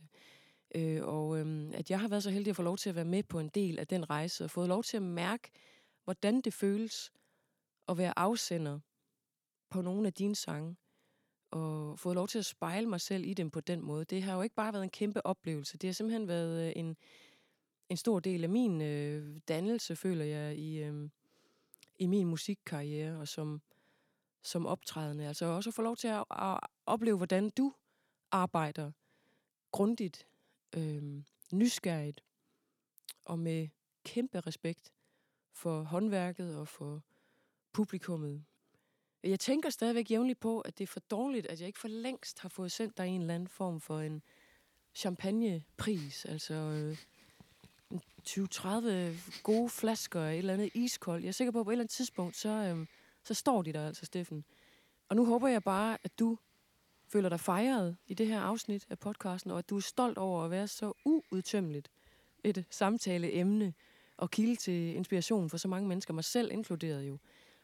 Kæmpe tak herfra, og øhm, have det rigtig godt, til vi ses igen. Hold da op. Det var smukt. Og der var den med champagnen igen. Ja. Fornemmer vi et tema? Ja, men det er et tema, som øh, først og fremmest må jeg sige, at det, det er jo det er meget bevæget af det, hun siger, og, øh, men det har jo også været en, en, øh, en vild oplevelse for mig, fordi det startede med, at jeg hørte til en given fortolkning af alt, hvad hun ville var at danse, i forbindelse med Statens Musikråds 25-års fødselsdag nede i, var det Kataminde, tror jeg det var, ikke? Og så øh, tror jeg, at på en eller anden måde, så inviterede jeg hende med til det der over på Bornholm derfra, og så siden der har vi jo lavet rigtig mange koncertturnéer sammen. Og øh, på en måde er det nærmest blevet så symbiotisk, så, øh, så øh, at jeg har gået ind i hendes sange, og hun har gået ind i mine, og altså, øh, jeg kan næsten, man kan næsten ikke øh, forestille alt, hvad hun ville var at danse, øh, øh, hvis ikke hun havde givet den den øh, dimension, som hun gjorde ved at, og, og lige pludselig tage den derhen, hvor den i virkeligheden skulle hen. Den er fint nok øh, med det der country-sving øh, der, ikke? men der var ikke en, der opdagede, hvad den går ud på. Der var ikke nogen, der fandt ud af det, før hun øh, sang den, mm og gjorde den til sin egen, og gjorde den der kvinde i den sang øh, til måske også, øh, øh, hvad skal man sige, øh, en, en meget stærk familie med de kvinder, øh, som Tina Dikov synger om. Altså hendes sang er jo fyldt med øh, kvinder, der længes og øh, sidder et sted og er i tvivl om, hvor de skal hen, og hvad er det rigtige at gøre. Og, og den der grundfølelse af, af uro og restløshed og, øh, og ubestemmelig længsel, har hun jo udfoldet i sin egen sang. Og så den kan jo virkelig øh, genkende øh, de kvinder, der er i mine sange, øh, øh, i hendes øh, sang og hendes univers. Ikke? Og, og så faktisk er det blevet så symbiotisk, hvis det hedder det. Og hvis ikke det hedder det, så er det blevet det alligevel. det vil jeg sådan set skide på. Nej, det ved jeg ikke. Nej, nej, men altså, så jeg går ind og, og, og blandede mig en af hendes sange, øh, hvor hun har skrevet øh, Nobody's Man, hvor jeg så lavede en version, der hedder Nobody's Woman, eller Ingen Spige, mm øh, på den samme melodi, som jeg så faktisk havde en store ære og glæde, og jeg ved ikke, hvad jeg skal, næsten skal sige, øh, hvor hun spillede det sidste år i Tivoli i Aarhus, og øh, hvor hun så øh, spillede den øh, version, sammen, øh, måske sammen med den, den, øh, den anden version, men i hvert fald så lige pludselig så, at man får øh, en øh, ingens mand og ingens pige, og så mødes de to på en eller anden måde i et eller andet fællesskab om at være ikke nogens. Mm. Og den, øh, det er måske virkelig et meget godt øh, billede på øh, Tina D's og mit samarbejde. Det er, vi er sammen om ikke at være nogen sådan rigtig for alvor. Mm. Men når vi er sammen, så er vi hinandens. Ikke? Og det, øh, det synes jeg kommer meget stærkt til udtryk i, når vi optræder sammen. Ikke? Så derfor så øh, øh, glæder jeg mig til, at vi skal ud igen på et eller andet tidspunkt. Men det der med champagne, det kommer af, at øh, på et tidspunkt, øh, så var der, skal jeg ikke hænge nogen ud her, men der var en eller anden forening, øh, øh, som ville give mig champagneprisen, hvilket jeg kunne forstå øh, på den medfølgende tekst, at det var en stor ære. Og øh, jeg tænkte, jo, jo tak, fordi det var sådan en afsender, var sådan en, om det, det vil jeg sgu da, det vil jeg gerne ære sig. øh, forfæng, mere, mindre forfængende er jeg jo heller ikke. Og det bestod så i, at jeg skulle ned til Odense, og de skulle alligevel have en eller anden form for kongres og sådan noget. Når du lige skal den der champagnepris, så kunne det lige så godt lige spille lidt. Øh, og så glemte jeg jo bare, at øh, inden jeg får set mig om, så skulle jeg jo ned og øh, overnatte og et lydemand, og, men, og så fik jeg seks flasker champagne. Ikke?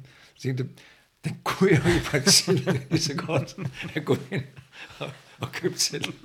Men altså, de fik en, en gratis koncert, og jeg fik seks flasker billig champagne. I en kurv dog. Åh, nå. Men altså, og æren. Dem kan man bruge igen, jo. Ja, ja, ja. man skulle heller ikke gå alting op i, men det var bare, det var et eller andet i den der. Og det blev siden, siden en, standard tog, jeg tror i, i, et par år i træk, eller i hvert fald de, de år, vi var ude, der kørte det ud hver jul til uh, Gina D. med, uh, med champagneprisen. så skulle jeg heller ikke snydes for den oplevelse.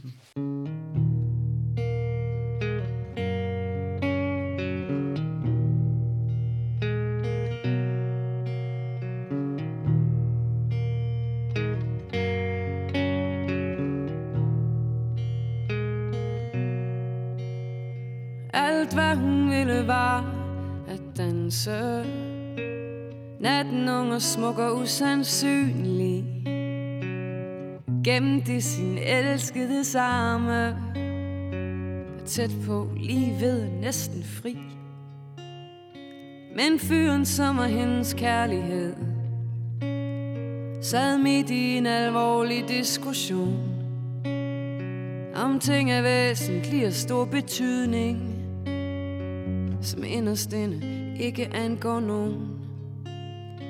Det eneste hun ville var at danse bare en enkelt natte, drømme uden at vågne op igen.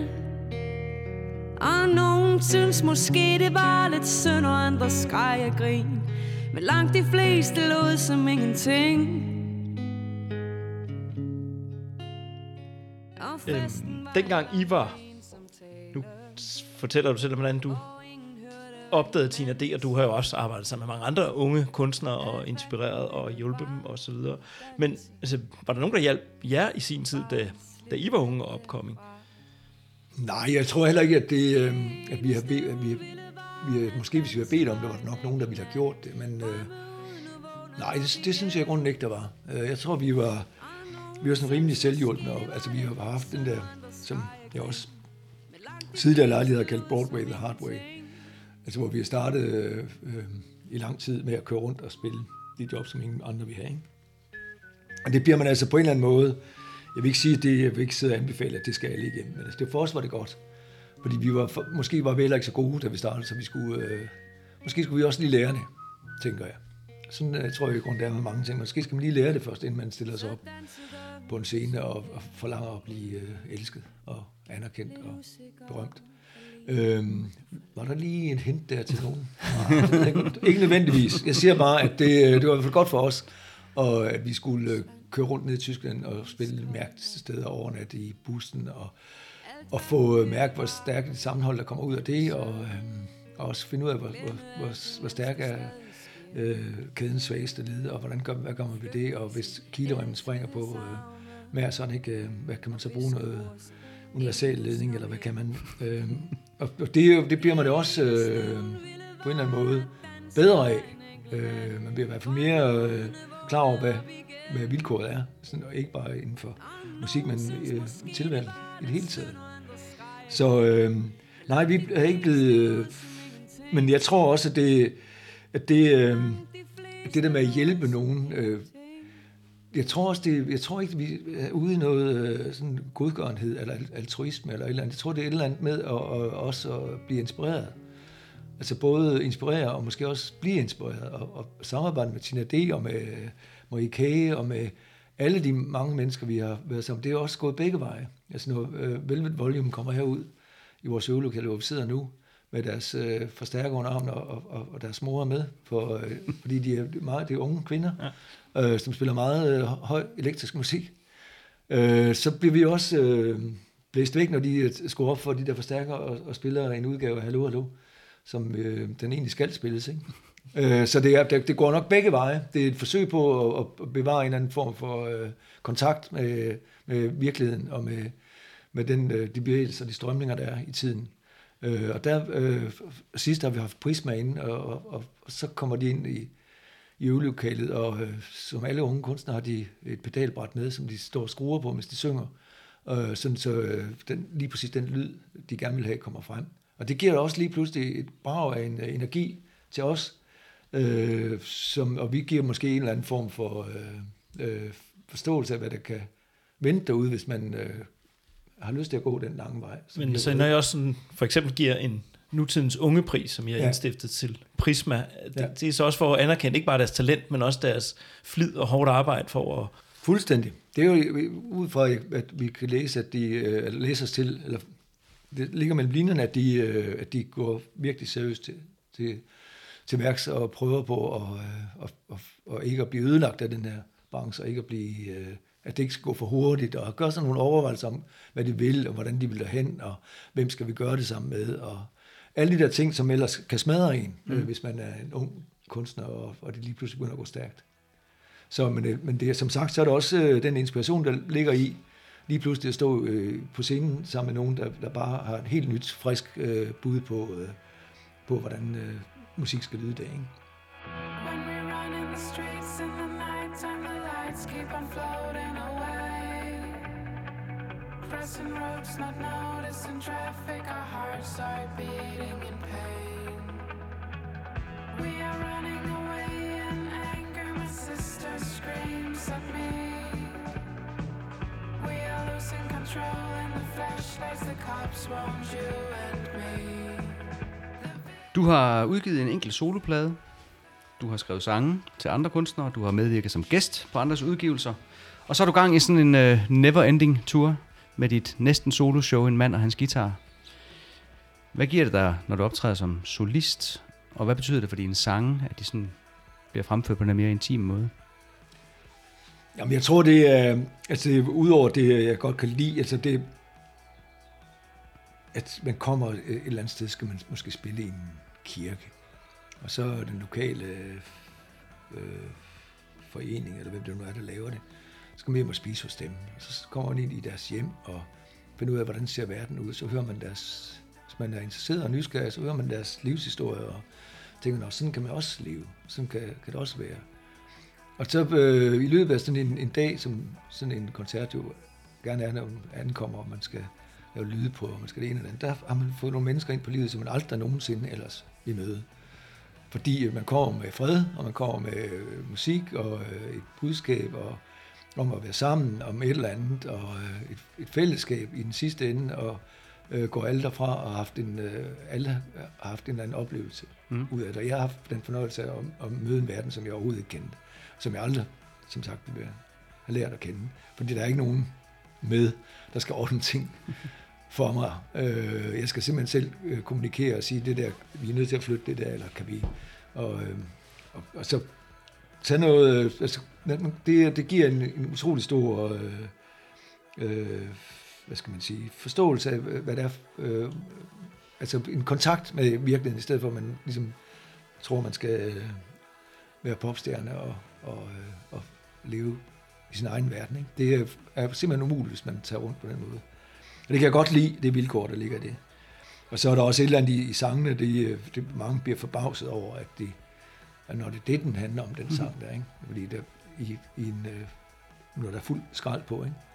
som vi siger, så, øh, så er der jo en anden energi, og det handler om, tit om noget andet også. Øh, og det, jo- det er jo vild med, men altså, der er også, ligger jo også faktisk, det skulle man ikke tro, der ligger faktisk nogle overvejelser i de der sange, ikke, som øh, lige pludselig øh, kommer ud, øh, kommer frem i, i dagens lys. Ikke? Plus at det er så, øh, for mig at se, øh, der- er- er det med til at holde mig i skarp, han har sagt. Det kan man så diskutere, om det lykkes, men det, det er et forsøg på, at, så, som gør, at hvis det nogle gange går en måned ude, vi, vi er ude og spille med banen, så skal jeg ikke ligesom starte forfra med at, at stå og hakke og stamme i den, øh, mellem numrene. Og, altså, jeg er simpelthen inde i en, øh, et, et, et, et, et flow, øh, og øh, ved, hvad det vil sige at stå på en scene, og jeg er ikke bange for det, eller det er jeg, men altså, jeg kan håndtere det. Og det giver den der øh, jævne, konstante, øh, neverending tour det giver mig den også. Og du kan spille nogle af de sange, som ikke nødvendigvis øh, kører ind Fuldstændig. på festivalen. Ja, det kan man nemlig.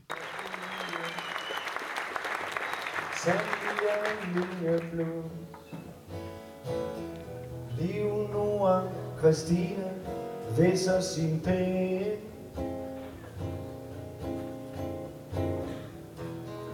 Vi på en egne.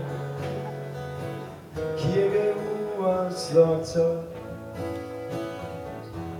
Den kuttede grene rider igen.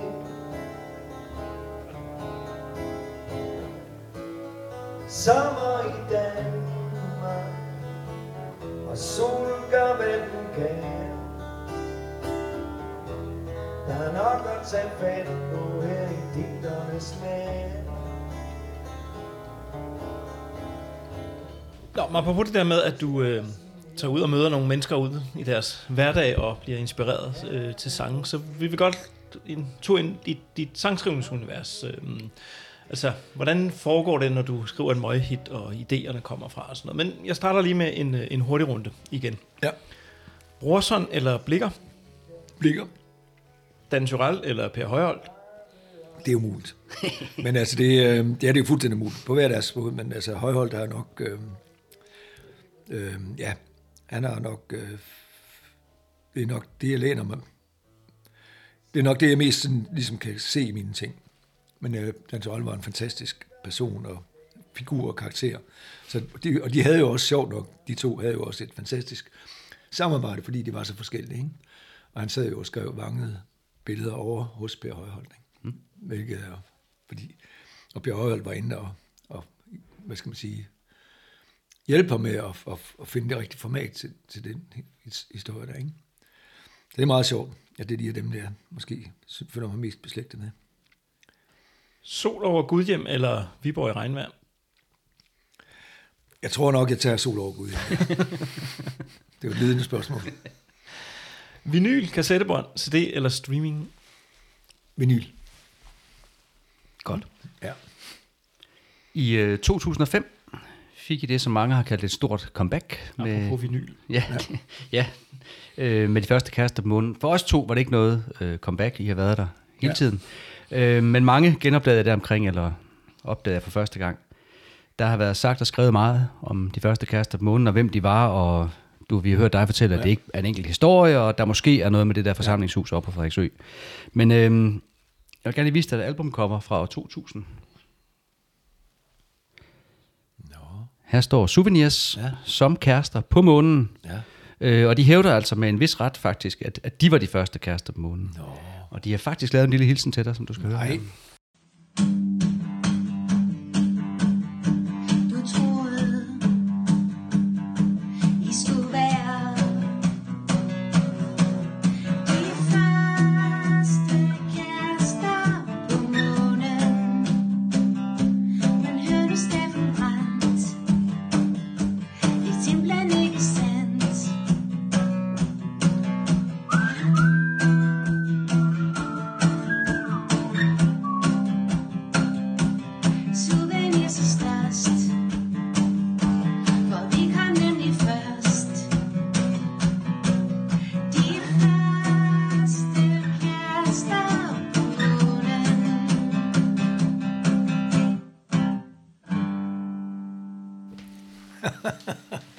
Det sødt. Hvor er det sjovt. Nå, men det, øh, jeg, de, jeg synes bare, at de har lavet nogle ting øh, tidligere. Jeg, og jeg har en fornemmelse af, at det var i samarbejde med Jos, den gamle Ja. bassist i øh, Cliché? Ja, det var det. Og øh, nogle af deres tekster, der, det er jo bare, altså det er for, for vildt, ikke? Jeg håber sådan, de kommer med noget igen, eller er der en uge, eller et eller andet, ikke? Men øh, nu hørte vi lige den her skrabede guitarudgave af de første kærester på månen. Jeg har indtryk af, at du oftest komponerer på guitar. Ja, det er rigtigt. Ja. Har det altid været sådan? Nej, det var klaver i begyndelsen. Ja. Og øh, meget klaver faktisk. Altså, Mm. Lanternen er faktisk sjovt nok også lavet på klaver, ikke? Selvom det er sådan, lige nu er sådan meget guitar Ja. oplagt nummer, ikke? Men gitaren, det fungerer på den måde, at den kan man have med overalt. Øh, og du kan næsten stå og lave mad med guitar over skulderen, ikke? Du kan sidde og se tv, du kan, øh, ja, kan have gæster, ikke? Nej, så vildt er det ikke. Men altså, det, og det er på den måde, og der, er det, når du går hen til klaveret, så går du hen til klaveret for at spille, og for at lave en sang. Gitaren, der kan du bare, bare godt sidde og, og se en eller anden øh, genudsendelse af Beck, øh, for eksempel. øh, og der tænker jeg faktisk på, simpelthen, øh, hvis der er nogen, der sidder derude med en idé, som jeg tænker, virkelig, det vil virkelig rydde forsen. Hvis man lavede alle de, jeg håber, lytterne er bekendt med, den svenske serie Beck, med Michael Persbrandt blandt andre. Øhm, hvis man tog alle de situationer, hvor ham der naboen kommer ind og skal have en stænker, og klippe dem ud, og så bare lave, lave en samlet øh, film ud af det, eller et eller andet. Det vil blive en gigasucces. Ska du ha en stänkare? Nej, men der kan man sidde og se den øh, og, og vide, at, øh, hvem der er morderen. Og, og, og så det gode ved det øh, er, at så kan man jo sidde man med gitaren, og så tager øh, det ene, den ene akkord, den anden, og lige pludselig, åh, oh, hvad var det? Og den her. Og der behøver ikke komme en sang. Og der er ikke noget pres, der er bare en, øh, og sådan en øh, stor del af tiden i, i mit liv går med en guitar i hånden, øh, hvor der ikke er noget pres. Øh, og jeg ved ikke, hvordan jeg kan bilde mig selv ind, at det er sådan, det forholder. Så men det, sangen skal ikke laves under pres. Det skal tekster nogle gange. Men øh, selve melodien, de skal komme ud af, ud af et eller andet ubegribeligt, som jeg ikke øh, kan sætte ord på. Og, øh, og sådan kom de første kærester også. Ikke? Men arrangementerne, dem har du ofte fortalt, dem laver du sammen med, med resten af bandet. Ja, ja. Øhm, og Svend programmerer ja. Måske nogle Ja. trommer og HE krydder Ja. akkorderne. Og Ja. der var også- en enkelt sang, hvor Geo han er krediteret som, øh, som, som medkomponist. Ja. Øhm, kan du give et par eksempler på, hvordan de andre de konkret har haft indflydelse på arrangementet af en bestemt sang? Nej, det kan jeg faktisk ikke. Øh, Direkte adspurgt. det kan jeg faktisk ikke. Øh, ikke øh, altså, men det, er, fordi det er, processen er, øh, er så forskellig fra...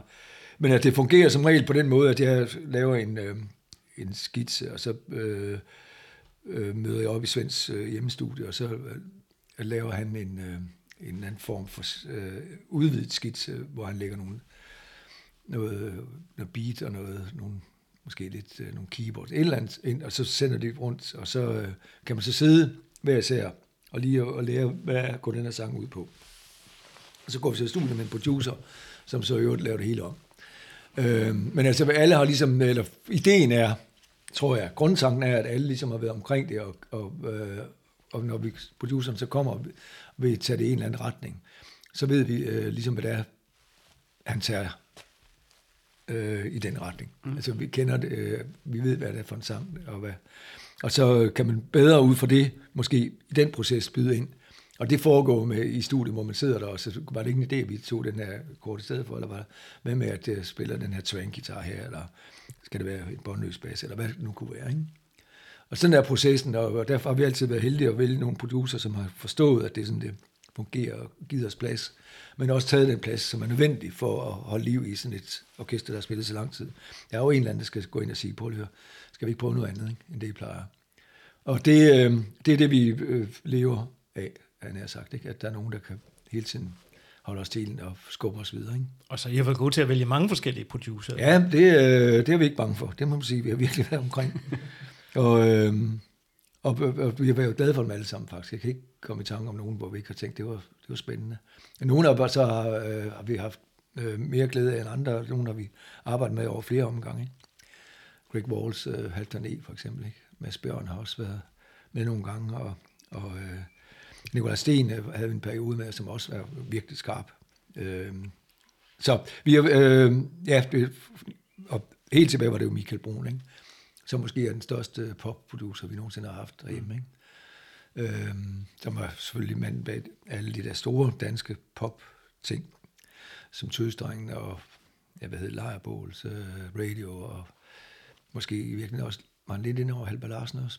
Det ved jeg ikke. Eller, ja, det, ja, det er nu også lige meget. Men News, øh, hele den der meget poppet, men også meget, meget øh, fantastisk evne til at og, øh, og ligesom komme ind til kernen i en sang og sige, vi skal den her vej, ikke? og væk med det der. Og det var jo det lidt Thomas Troelsen også gjorde, da han kom. Præcis, det var sådan en ny, ung øh, generation af Michael Brun, ikke? som havde den samme øh, tydelige, øh, klare idé om, hvad, hvor han, han synes, det skulle lyde.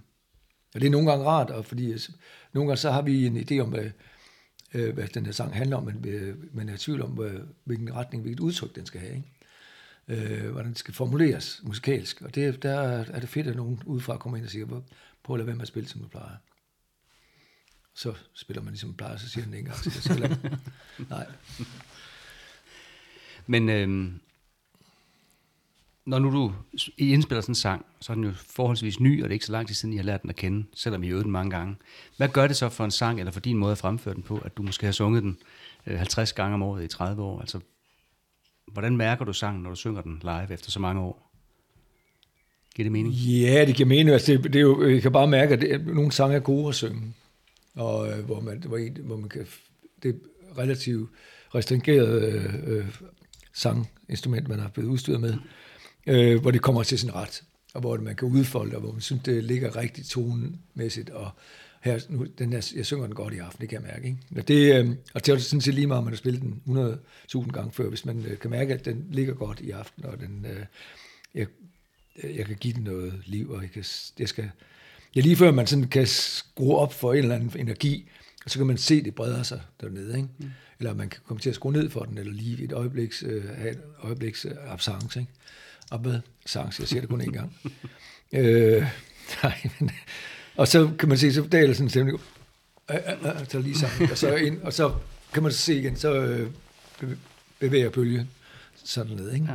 Det synes jeg er meget, øh, det, det er virkelig en rar fornemmelse, ikke? Så jeg kan ikke, øh, jeg tror ikke, vi, at, at Badugu tænker, åh oh, nej, ikke den igen. Jeg tænker, hvordan bliver den i aften, ikke? Øh, Får vi den sendt Får- får de armene op, eller? ja, ja. Får de armene op. ja. Men nu var du så tilbage og genbesøge en gammel koncert der i forbindelse med den der Holbæk Recordings, hvor du øh, Ja. skulle synge lidt igen på det gamle. Hvordan var Ja. det at besøge sådan en gammel koncert og synge der?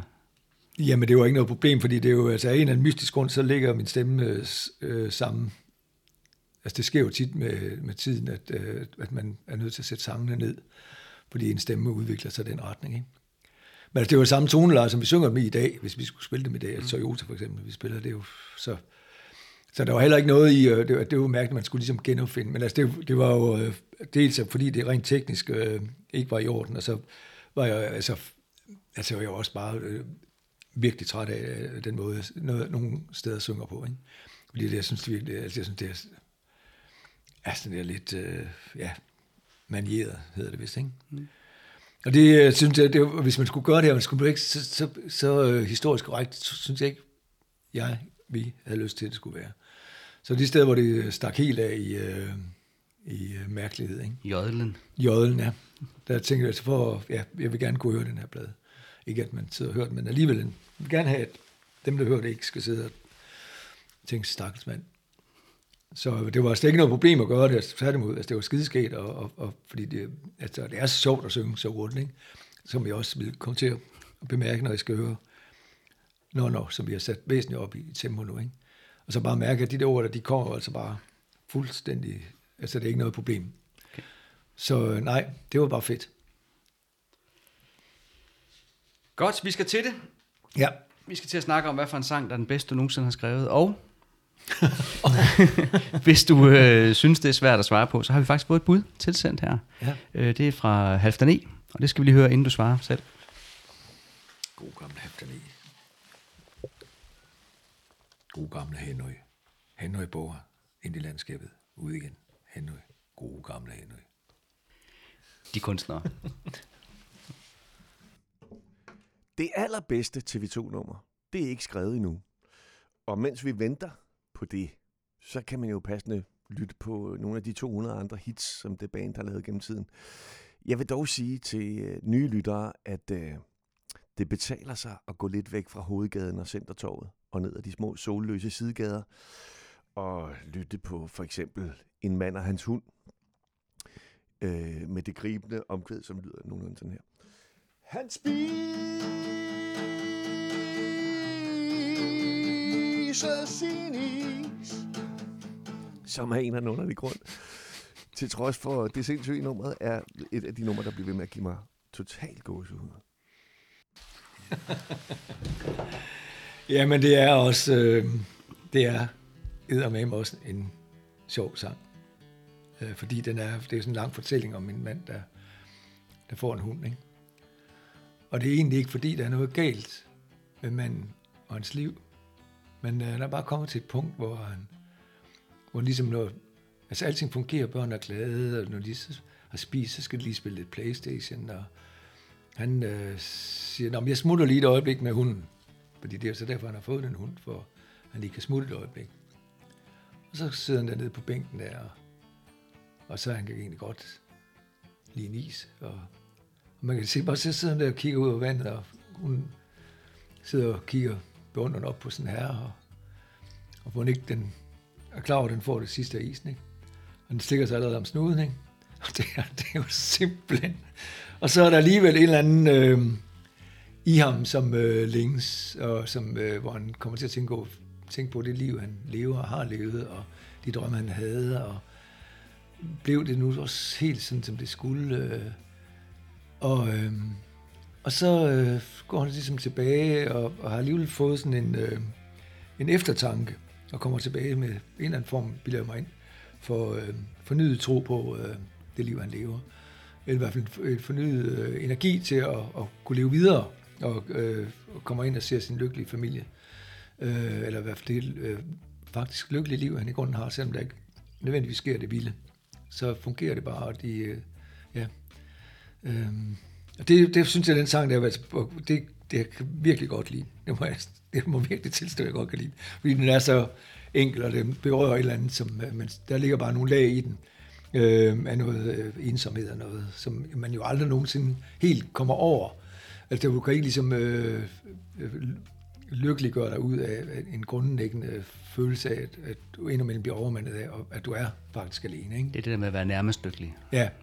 Og det er jo den der alenehed der, den, øh, den må du bare dele med. Og, øh, og det gør han så ved at gå en tur med hunden og, og spise en is, og, og i tankerne gennemgå livet på godt og ondt. Ikke? Men vi er gået så meget ind i det her med podcasten, at vi, da vi nåede til den plade, øh, de første kærester, hvor den var på, der var vi nødt til begge to at få skaffet os en hund. Så vi er blevet hundeejere, mens vi har lavet podcasten her.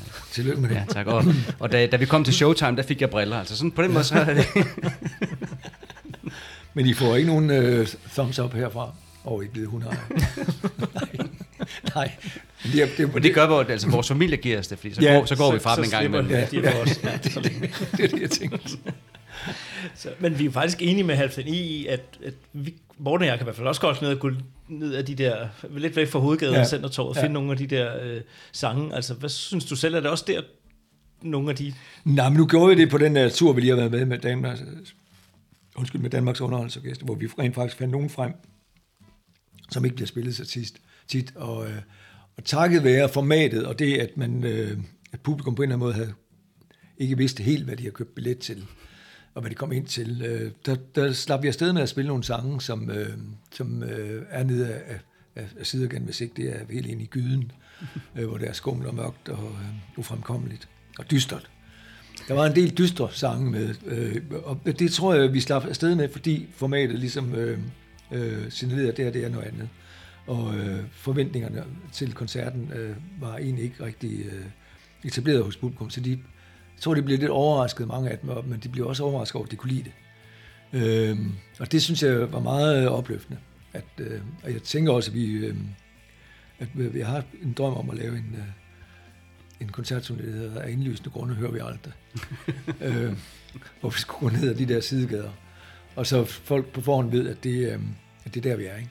Øh, vi skal nok komme hjem igen til, til sidst. Vi kommer. Ja. Øhm, vi kunne godt tænke os at tale lidt mere om det her med, hvordan en sang bliver til. Øh, men du skal lige høre, hvad Halvdan E har at sige til det. Nu skal man jo være meget, meget varsom med at fortælle, hvordan man laver ting. Det er lidt ligesom med trylleri. Hvis man først afslører sine tricks, så vil de jo ikke betale for dem en anden gang, publikum. Øh, men de fleste kunstnere vil fortælle dig, at deres hits opstod ved en tilfældighed, mens de dudlede på en serviet eller lavede kaffe. Øh, og det er en proces, vi har virkelig har forsøgt at genskabe i studiet med TV2. Øh, vi har været meget, meget fokuseret og målrettet, samtidig med, at vi har lallet helt vildt. Og øh, mens vi sådan har vendt ryggen til, så er der indimellem kommet et hit ud af det, uden at nogen har kunne forklare, hvorfor.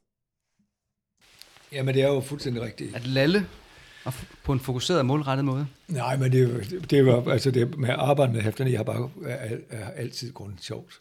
Altså, det er, der er meget, øh, lal er også et ord, men der er også meget, øh, vi griner meget, ikke? Og der er meget, ja, siger dumme ting, åndssvage ting. Og, og øh, ellers så, var det ikke, så skulle pokker sidde i øh, månedsvis i dag ud af dagen i et studie, hvis det ikke, fordi det var også sjovt, ikke? Og der er Halvdan er virkelig, virkelig god til at, at løfte os op i, i, på det leje, ikke? i det leje. Men han har ret i, at det, er, øhm, at det, det kommer lidt, lidt bag på os selv, når vi ligesom øh, for eksempel med, det var Halvdan, der lavede øh, kystbruden, ikke? Altså det var da også, øh, øh, da vi lige var, som var færdige med det, kunne tænke, gud, hvor kom den sang fra, ikke? Øh, og det kommer jo, som sagt, nærmest snigende, mens man øh, mindst aner det, ikke? Men øh, der ligger nok også bag ved det hele, som jeg også fornemmer, at det Halvdan siger, der ligger nok en, en del, ikke hårdt arbejde, men en del øh, grundigt arbejde. Ikke? Fordi man- mange har den vildfarelse, at arbejde altid skal være hårdt. Det behøver bare at være grundigt. Og det må gerne tage lang tid. Men det, jeg ved ikke, om det er hårdt. Altså, er det hårdt at lægge fliser eller være jord- og betonarbejder? Det tror jeg, det er. Men det, vi laver her, det er, det er arbejde. Øh, grundigt arbejde. Blandt andre ting.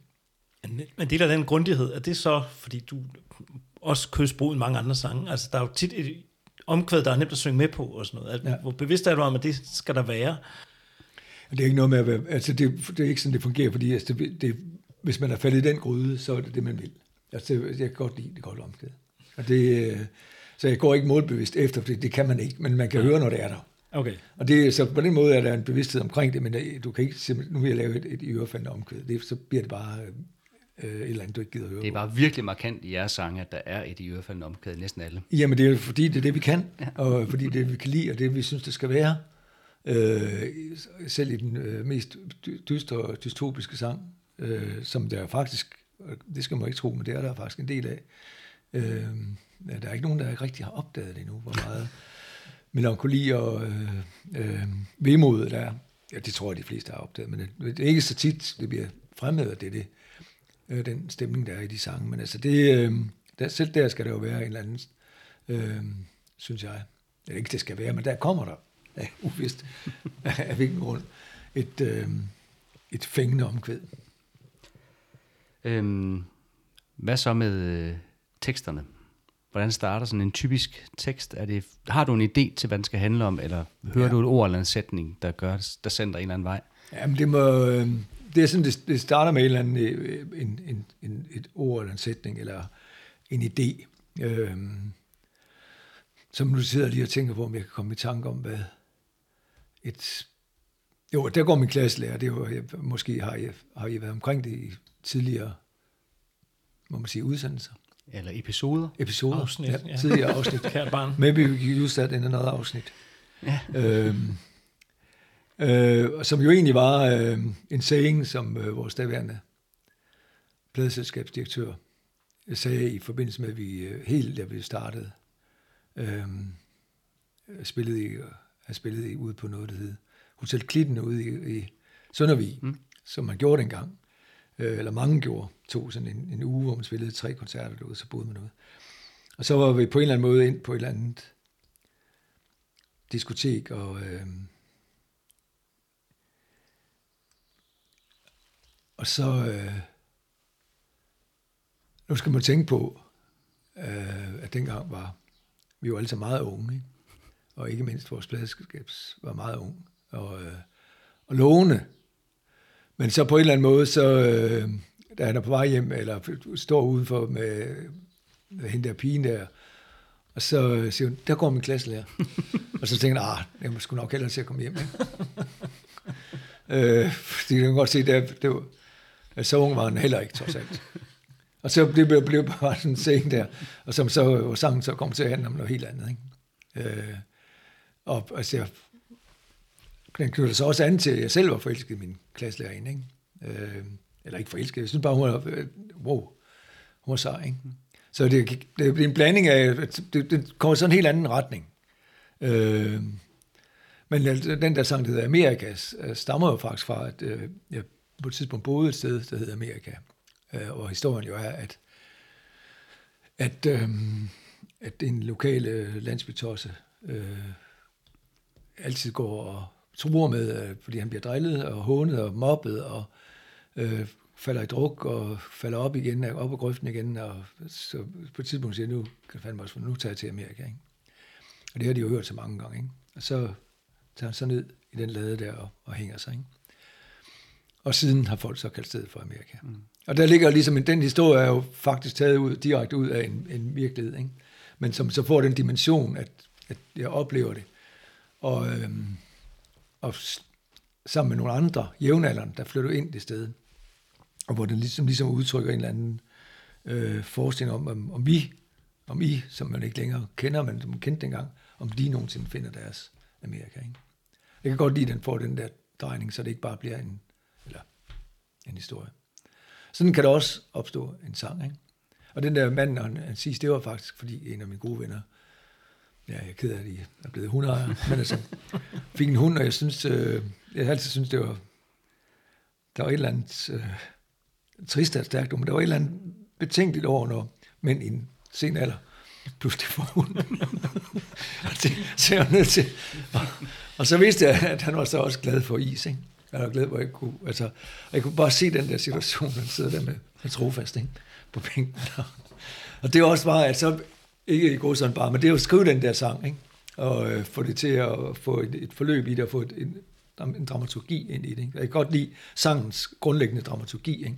som du kan faktisk gå ind i en hvilken som helst, eller mange film, og mange bøger, og mange øh, romaner, øh, noveller, øh, og gå ind og finde den samme dramaturgi. Der er sådan en, en opbygning i det, og der skal helst være et forløb. Og derfor kan jeg også virkelig bedst lide sange, der, der har en eller anden, øh, for, et forløb, en øh, historie, eller et, altså, hvor, hvor de der sådan lidt mere øh, brede sange om, at vi skal også huske at, at leve og have det godt, og øh, i den sidste ende. Og sådan. Jeg kan godt lide, at der er en eller anden fortælling Mm. mm. i det.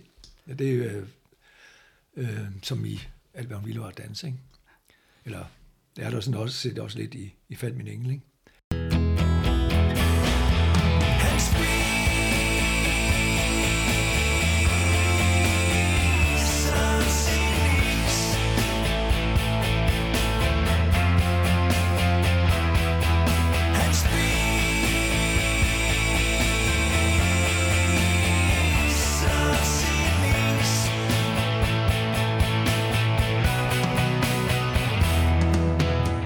Der med at danse, et af dine mantraer har altid været, at man skulle tage imod de danse, man bliver ja. hvad hedder det, budt op til. Ja. Har du selv været god til det? Det er jo så nok derfor, jeg har fundet ud af, at det er sådan, det forholder sig. Og det øh, fandt jeg så ud af der den aften, ikke? Hvor, øh, hvor jeg siger nej tak til at komme med ud på dansk skole. Ikke? Det skal man aldrig gøre. Altså grundlæggende skal man aldrig sige nej tak til at komme ud. Og det kan godt være, at man... Fordi det er grundreglen, at nu siger jeg det for åben mikrofon, grundreglen er, når man først står på det dansegulv, og jeg har tidligere været inde på det, der er situationer, der er akavet, og man ser dum ud, og det er fjollet. og hvor, hvor, hvem har fundet på, at man skal danse? Altså, hvor kommer det fra? Og hvad er der i det for mig? Altså, helt ærligt. Hvornår, hvor, hvor, hvor, hvornår kommer belønningen? Nej, men øh, altså, der er ligesom ikke rigtig nogen overordnet perspektiv, perspektiv i at danse. Andet det er, det er ret, ret, ret åndssvagt. Men når man først står der og ligesom er kommet over det punkt, og så står man der og danser, og på en eller anden mærkelig måde, så sker der noget med, at så udvikler festen sig, og der kommer flere ud, og, og så der kommer flere ud, og man kan se, at de danser lige så åndssvagt som en selv, ikke? Der er mange af dem gør. Så, øh, så står man bare der en hel gruppe af mennesker, og, og skal også åndssvagt, ikke? Og det, øh, det kan godt lide, den, det der kollektive åndssvaghed. den, øh, så derfor, så i virkeligheden kan man også sige, at man skal aldrig sige nej til en, en god fest, eller man skal virkelig aldrig sige nej til en pige øh, øh, hvis det er, når der er noget på spil. Ikke? Og det var der jo her. Der var jo en eller anden, det var en grund til, at man var ud på den danske skole. Ikke? Det skal, man skal ikke slå hånden af nogen på den måde. Der skal man simpelthen være, være må man sige det? Der skal man bare være stærk nok til at, øh, at kunne rumme det også. Mm.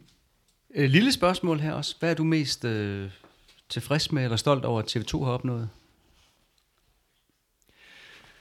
Ja, men jeg, jeg har ikke, jeg har ikke på grund sådan øh, ramt af en eller anden stolthed. Øh, men altså, hvis jeg skulle prøve at give dig et svar, så vil det nærmest, at vi at spiller nu og kan lide det.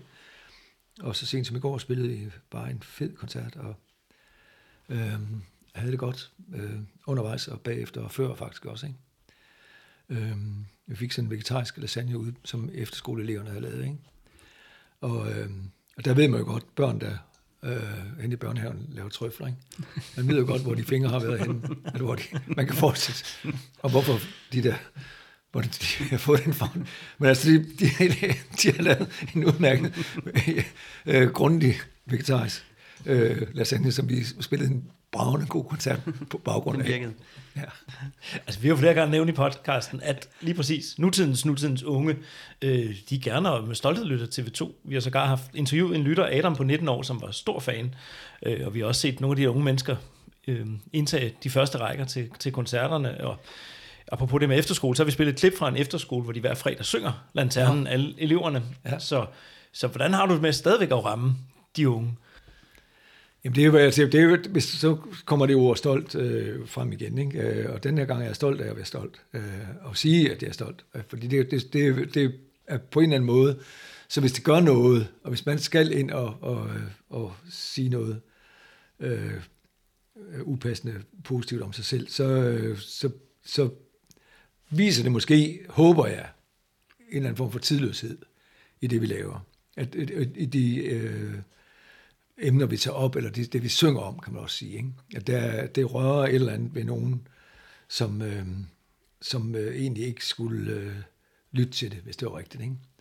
Og det er også det, der var med de første kærester, altså det, det, og det er også en gammel historie, men den, det vil jeg gerne direkte opfordre. Kom med igen, altså hvor det der må gå forbi en børnehave, og de, og de synger den der. Ikke? Og jeg tænker, hvis, hvis, man kan, hvis børn på en eller anden måde kan fange den grundlæggende historie, der er det, så er det fordi, vi har øh, gjort, gjort det ordentligt, grundigt, vil jeg sige. Jeg troede, vi skulle være de første kærester på månen. Jeg troede, vi skulle være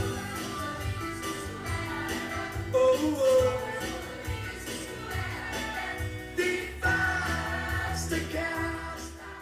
Michael og jeg har brugt en stor del af vores liv på at lytte til TV2. Vi har lyttet til alle jeres plader lige fra den dag, de udkommer, så til og med i dag, og planen er, at vi fortsætter i morgen. Hvad med dig selv? Kan du finde på at sætte en øh, TV2-plade på? Eller får du nok med at skrive sangene og indspille dem og fremføre dem live? Nej, det, det, det kan jeg faktisk ikke. Altså, øh, men jeg kan godt øh, høre det i radioen, eller vi, vi komme forbi, eller altså, hvor der er nogen, spiller det, eller det dukker op. Øh. Og tænkte, det lyder godt, det der. Ja, det lyder faktisk, ja. i grunden, det var, der, det, gjorde, det var der egentlig meget heldigt ramt, det der, eller et eller andet, ikke? Så det er slet ikke, fordi jeg fornægter det, vi har lavet, men altså, det er... Og så i forbindelse med, at vi skal, hvis vi skal ud på en ny tur, så øh, høre noget igennem, for at finde ud af, hvad, hvad kunne være fint. Og, og der kan jeg også godt, øh, når vi kommer ned nogle af sidevejen, tænke, det der, hvordan, kan man lige huske, hvordan det blev lavet, og, og processen i det, og, og hvad, hvad der ligger til grund for sangen, og gennemleve nogle af de øh, situationer i ens liv, der har øh, været, øh, været grundlaget for sangene, og, og det, på en eller anden måde er det også en slags dagbog, kan man sige, jeg kan slå op i. Øh, og det har jeg slet ikke spor endnu imod, men jeg kan også øh, på den måde jo så se, hvad der for liv har levet, og, øh, og de opgør, der har været, og de, øh, de nederlag, der har været, og, og på godt og ondt. Ikke? Og det synes jeg i grunden er meget fedt at have det stående. Han har sagt sort på hvidt. Inden vi skal til at runde af, så vil vi lige viderebringe en sidste hilsen fra Halvdan E. Og for at være helt ærlig, det han siger nu, det kunne mig og Morten nok ikke være mere enige i. Det er som digteren skriver, at words are trains for passing by what really has no name.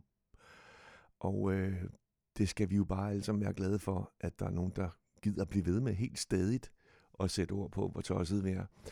Og der vil jeg bare sige til dig, Steffen, øh, på hele nationens vegne, tror jeg, tak fordi du bliver ved med at hive os ud på den her fantastiske togtur. Ja, men det er jo... Ja, tak for det. Hold da op, må jeg sige. Men øh, sikkert en rejse, vi har været på her de sidste par timer. Ikke? Men øh, ja, det, øh, det er godt, jeg har et manglende selvværd, så jeg kan, jeg kan overleve det nok. men øh, ja, men øh, vi fortsætter to resten af halvdagen, og i andre. Det, øh, der er ingen vej udenom. Det er, vi, øh, det er vi glade for. Det håber jeg. Vi vil gerne sige uh, tak, fordi vi måtte uh, komme her i dag, og, og så tak, fordi du har skrevet de der sange, som vi har lyttet så meget til. Det er meget, der takker for, at der er nogen, der vil lytte til. Vi har lige et spørgsmål. Ja. Det er egentlig en helt grunden til, at vi har hævet dig ind her i dag. Vi er nødt til at spørge, om der kommer et studiealbum mere. Ja, Godt. det gør der. Der ligger nogle sange nu og, øh, og venter på at og, øh, komme videre. Så øh, de er, man kan sige det med et fuldstændig enkelt og moderne udtryk. Vi er i proces. Vi har en lille ting til dig, apropos et lille Ja. tema, vi har haft i dag. Ja. Så øh, får du lige den her. Og det er en flaske, jeg ved ikke, om det er ægte champagne, men... Øh, Nej, var det sjovt. Ej, var det sjovt. Jeg kan oplyse, at der står, skal kyles på balkongen. Hvis man forstår sådan en lille en. Ja, og det er jo, skal jeg forklare hvorfor? Eller ved, har I været inde på det? Du må gerne Jeg har fortælle det, men du må gerne Ja, okay. Nå, men det er jo det berømte. Øh, der står et eller andet sted øh, på et hotel, Kyl. Eller det er en opfordring på svensk tv, hvor vi er oppe og holde nytårsaften, og så står der Kyl champagne på balkonen. Og så er det, vi tænker, det der, hvorfor har de fået det dårlige rygte, svenskerne om, de skulle være kedelige. Nej, det er simpelthen ud og kylde champagne ned på balkonen. Ikke? Men øh, det ved, som alle ved, så betyder det jo selvfølgelig, så er det er en dobbelthed i det. Så, øh, Og det er der jo i meget det, du skriver og I laver. Ja. Så, ja, så det kan jo ikke passe bedre. Men jeg vil straks øh, gå ud på balkonen her senere i dag og ja. kyle champagne, hvor den retmæssigt skal hen. tusind tak. Tusind tak. I lige måde.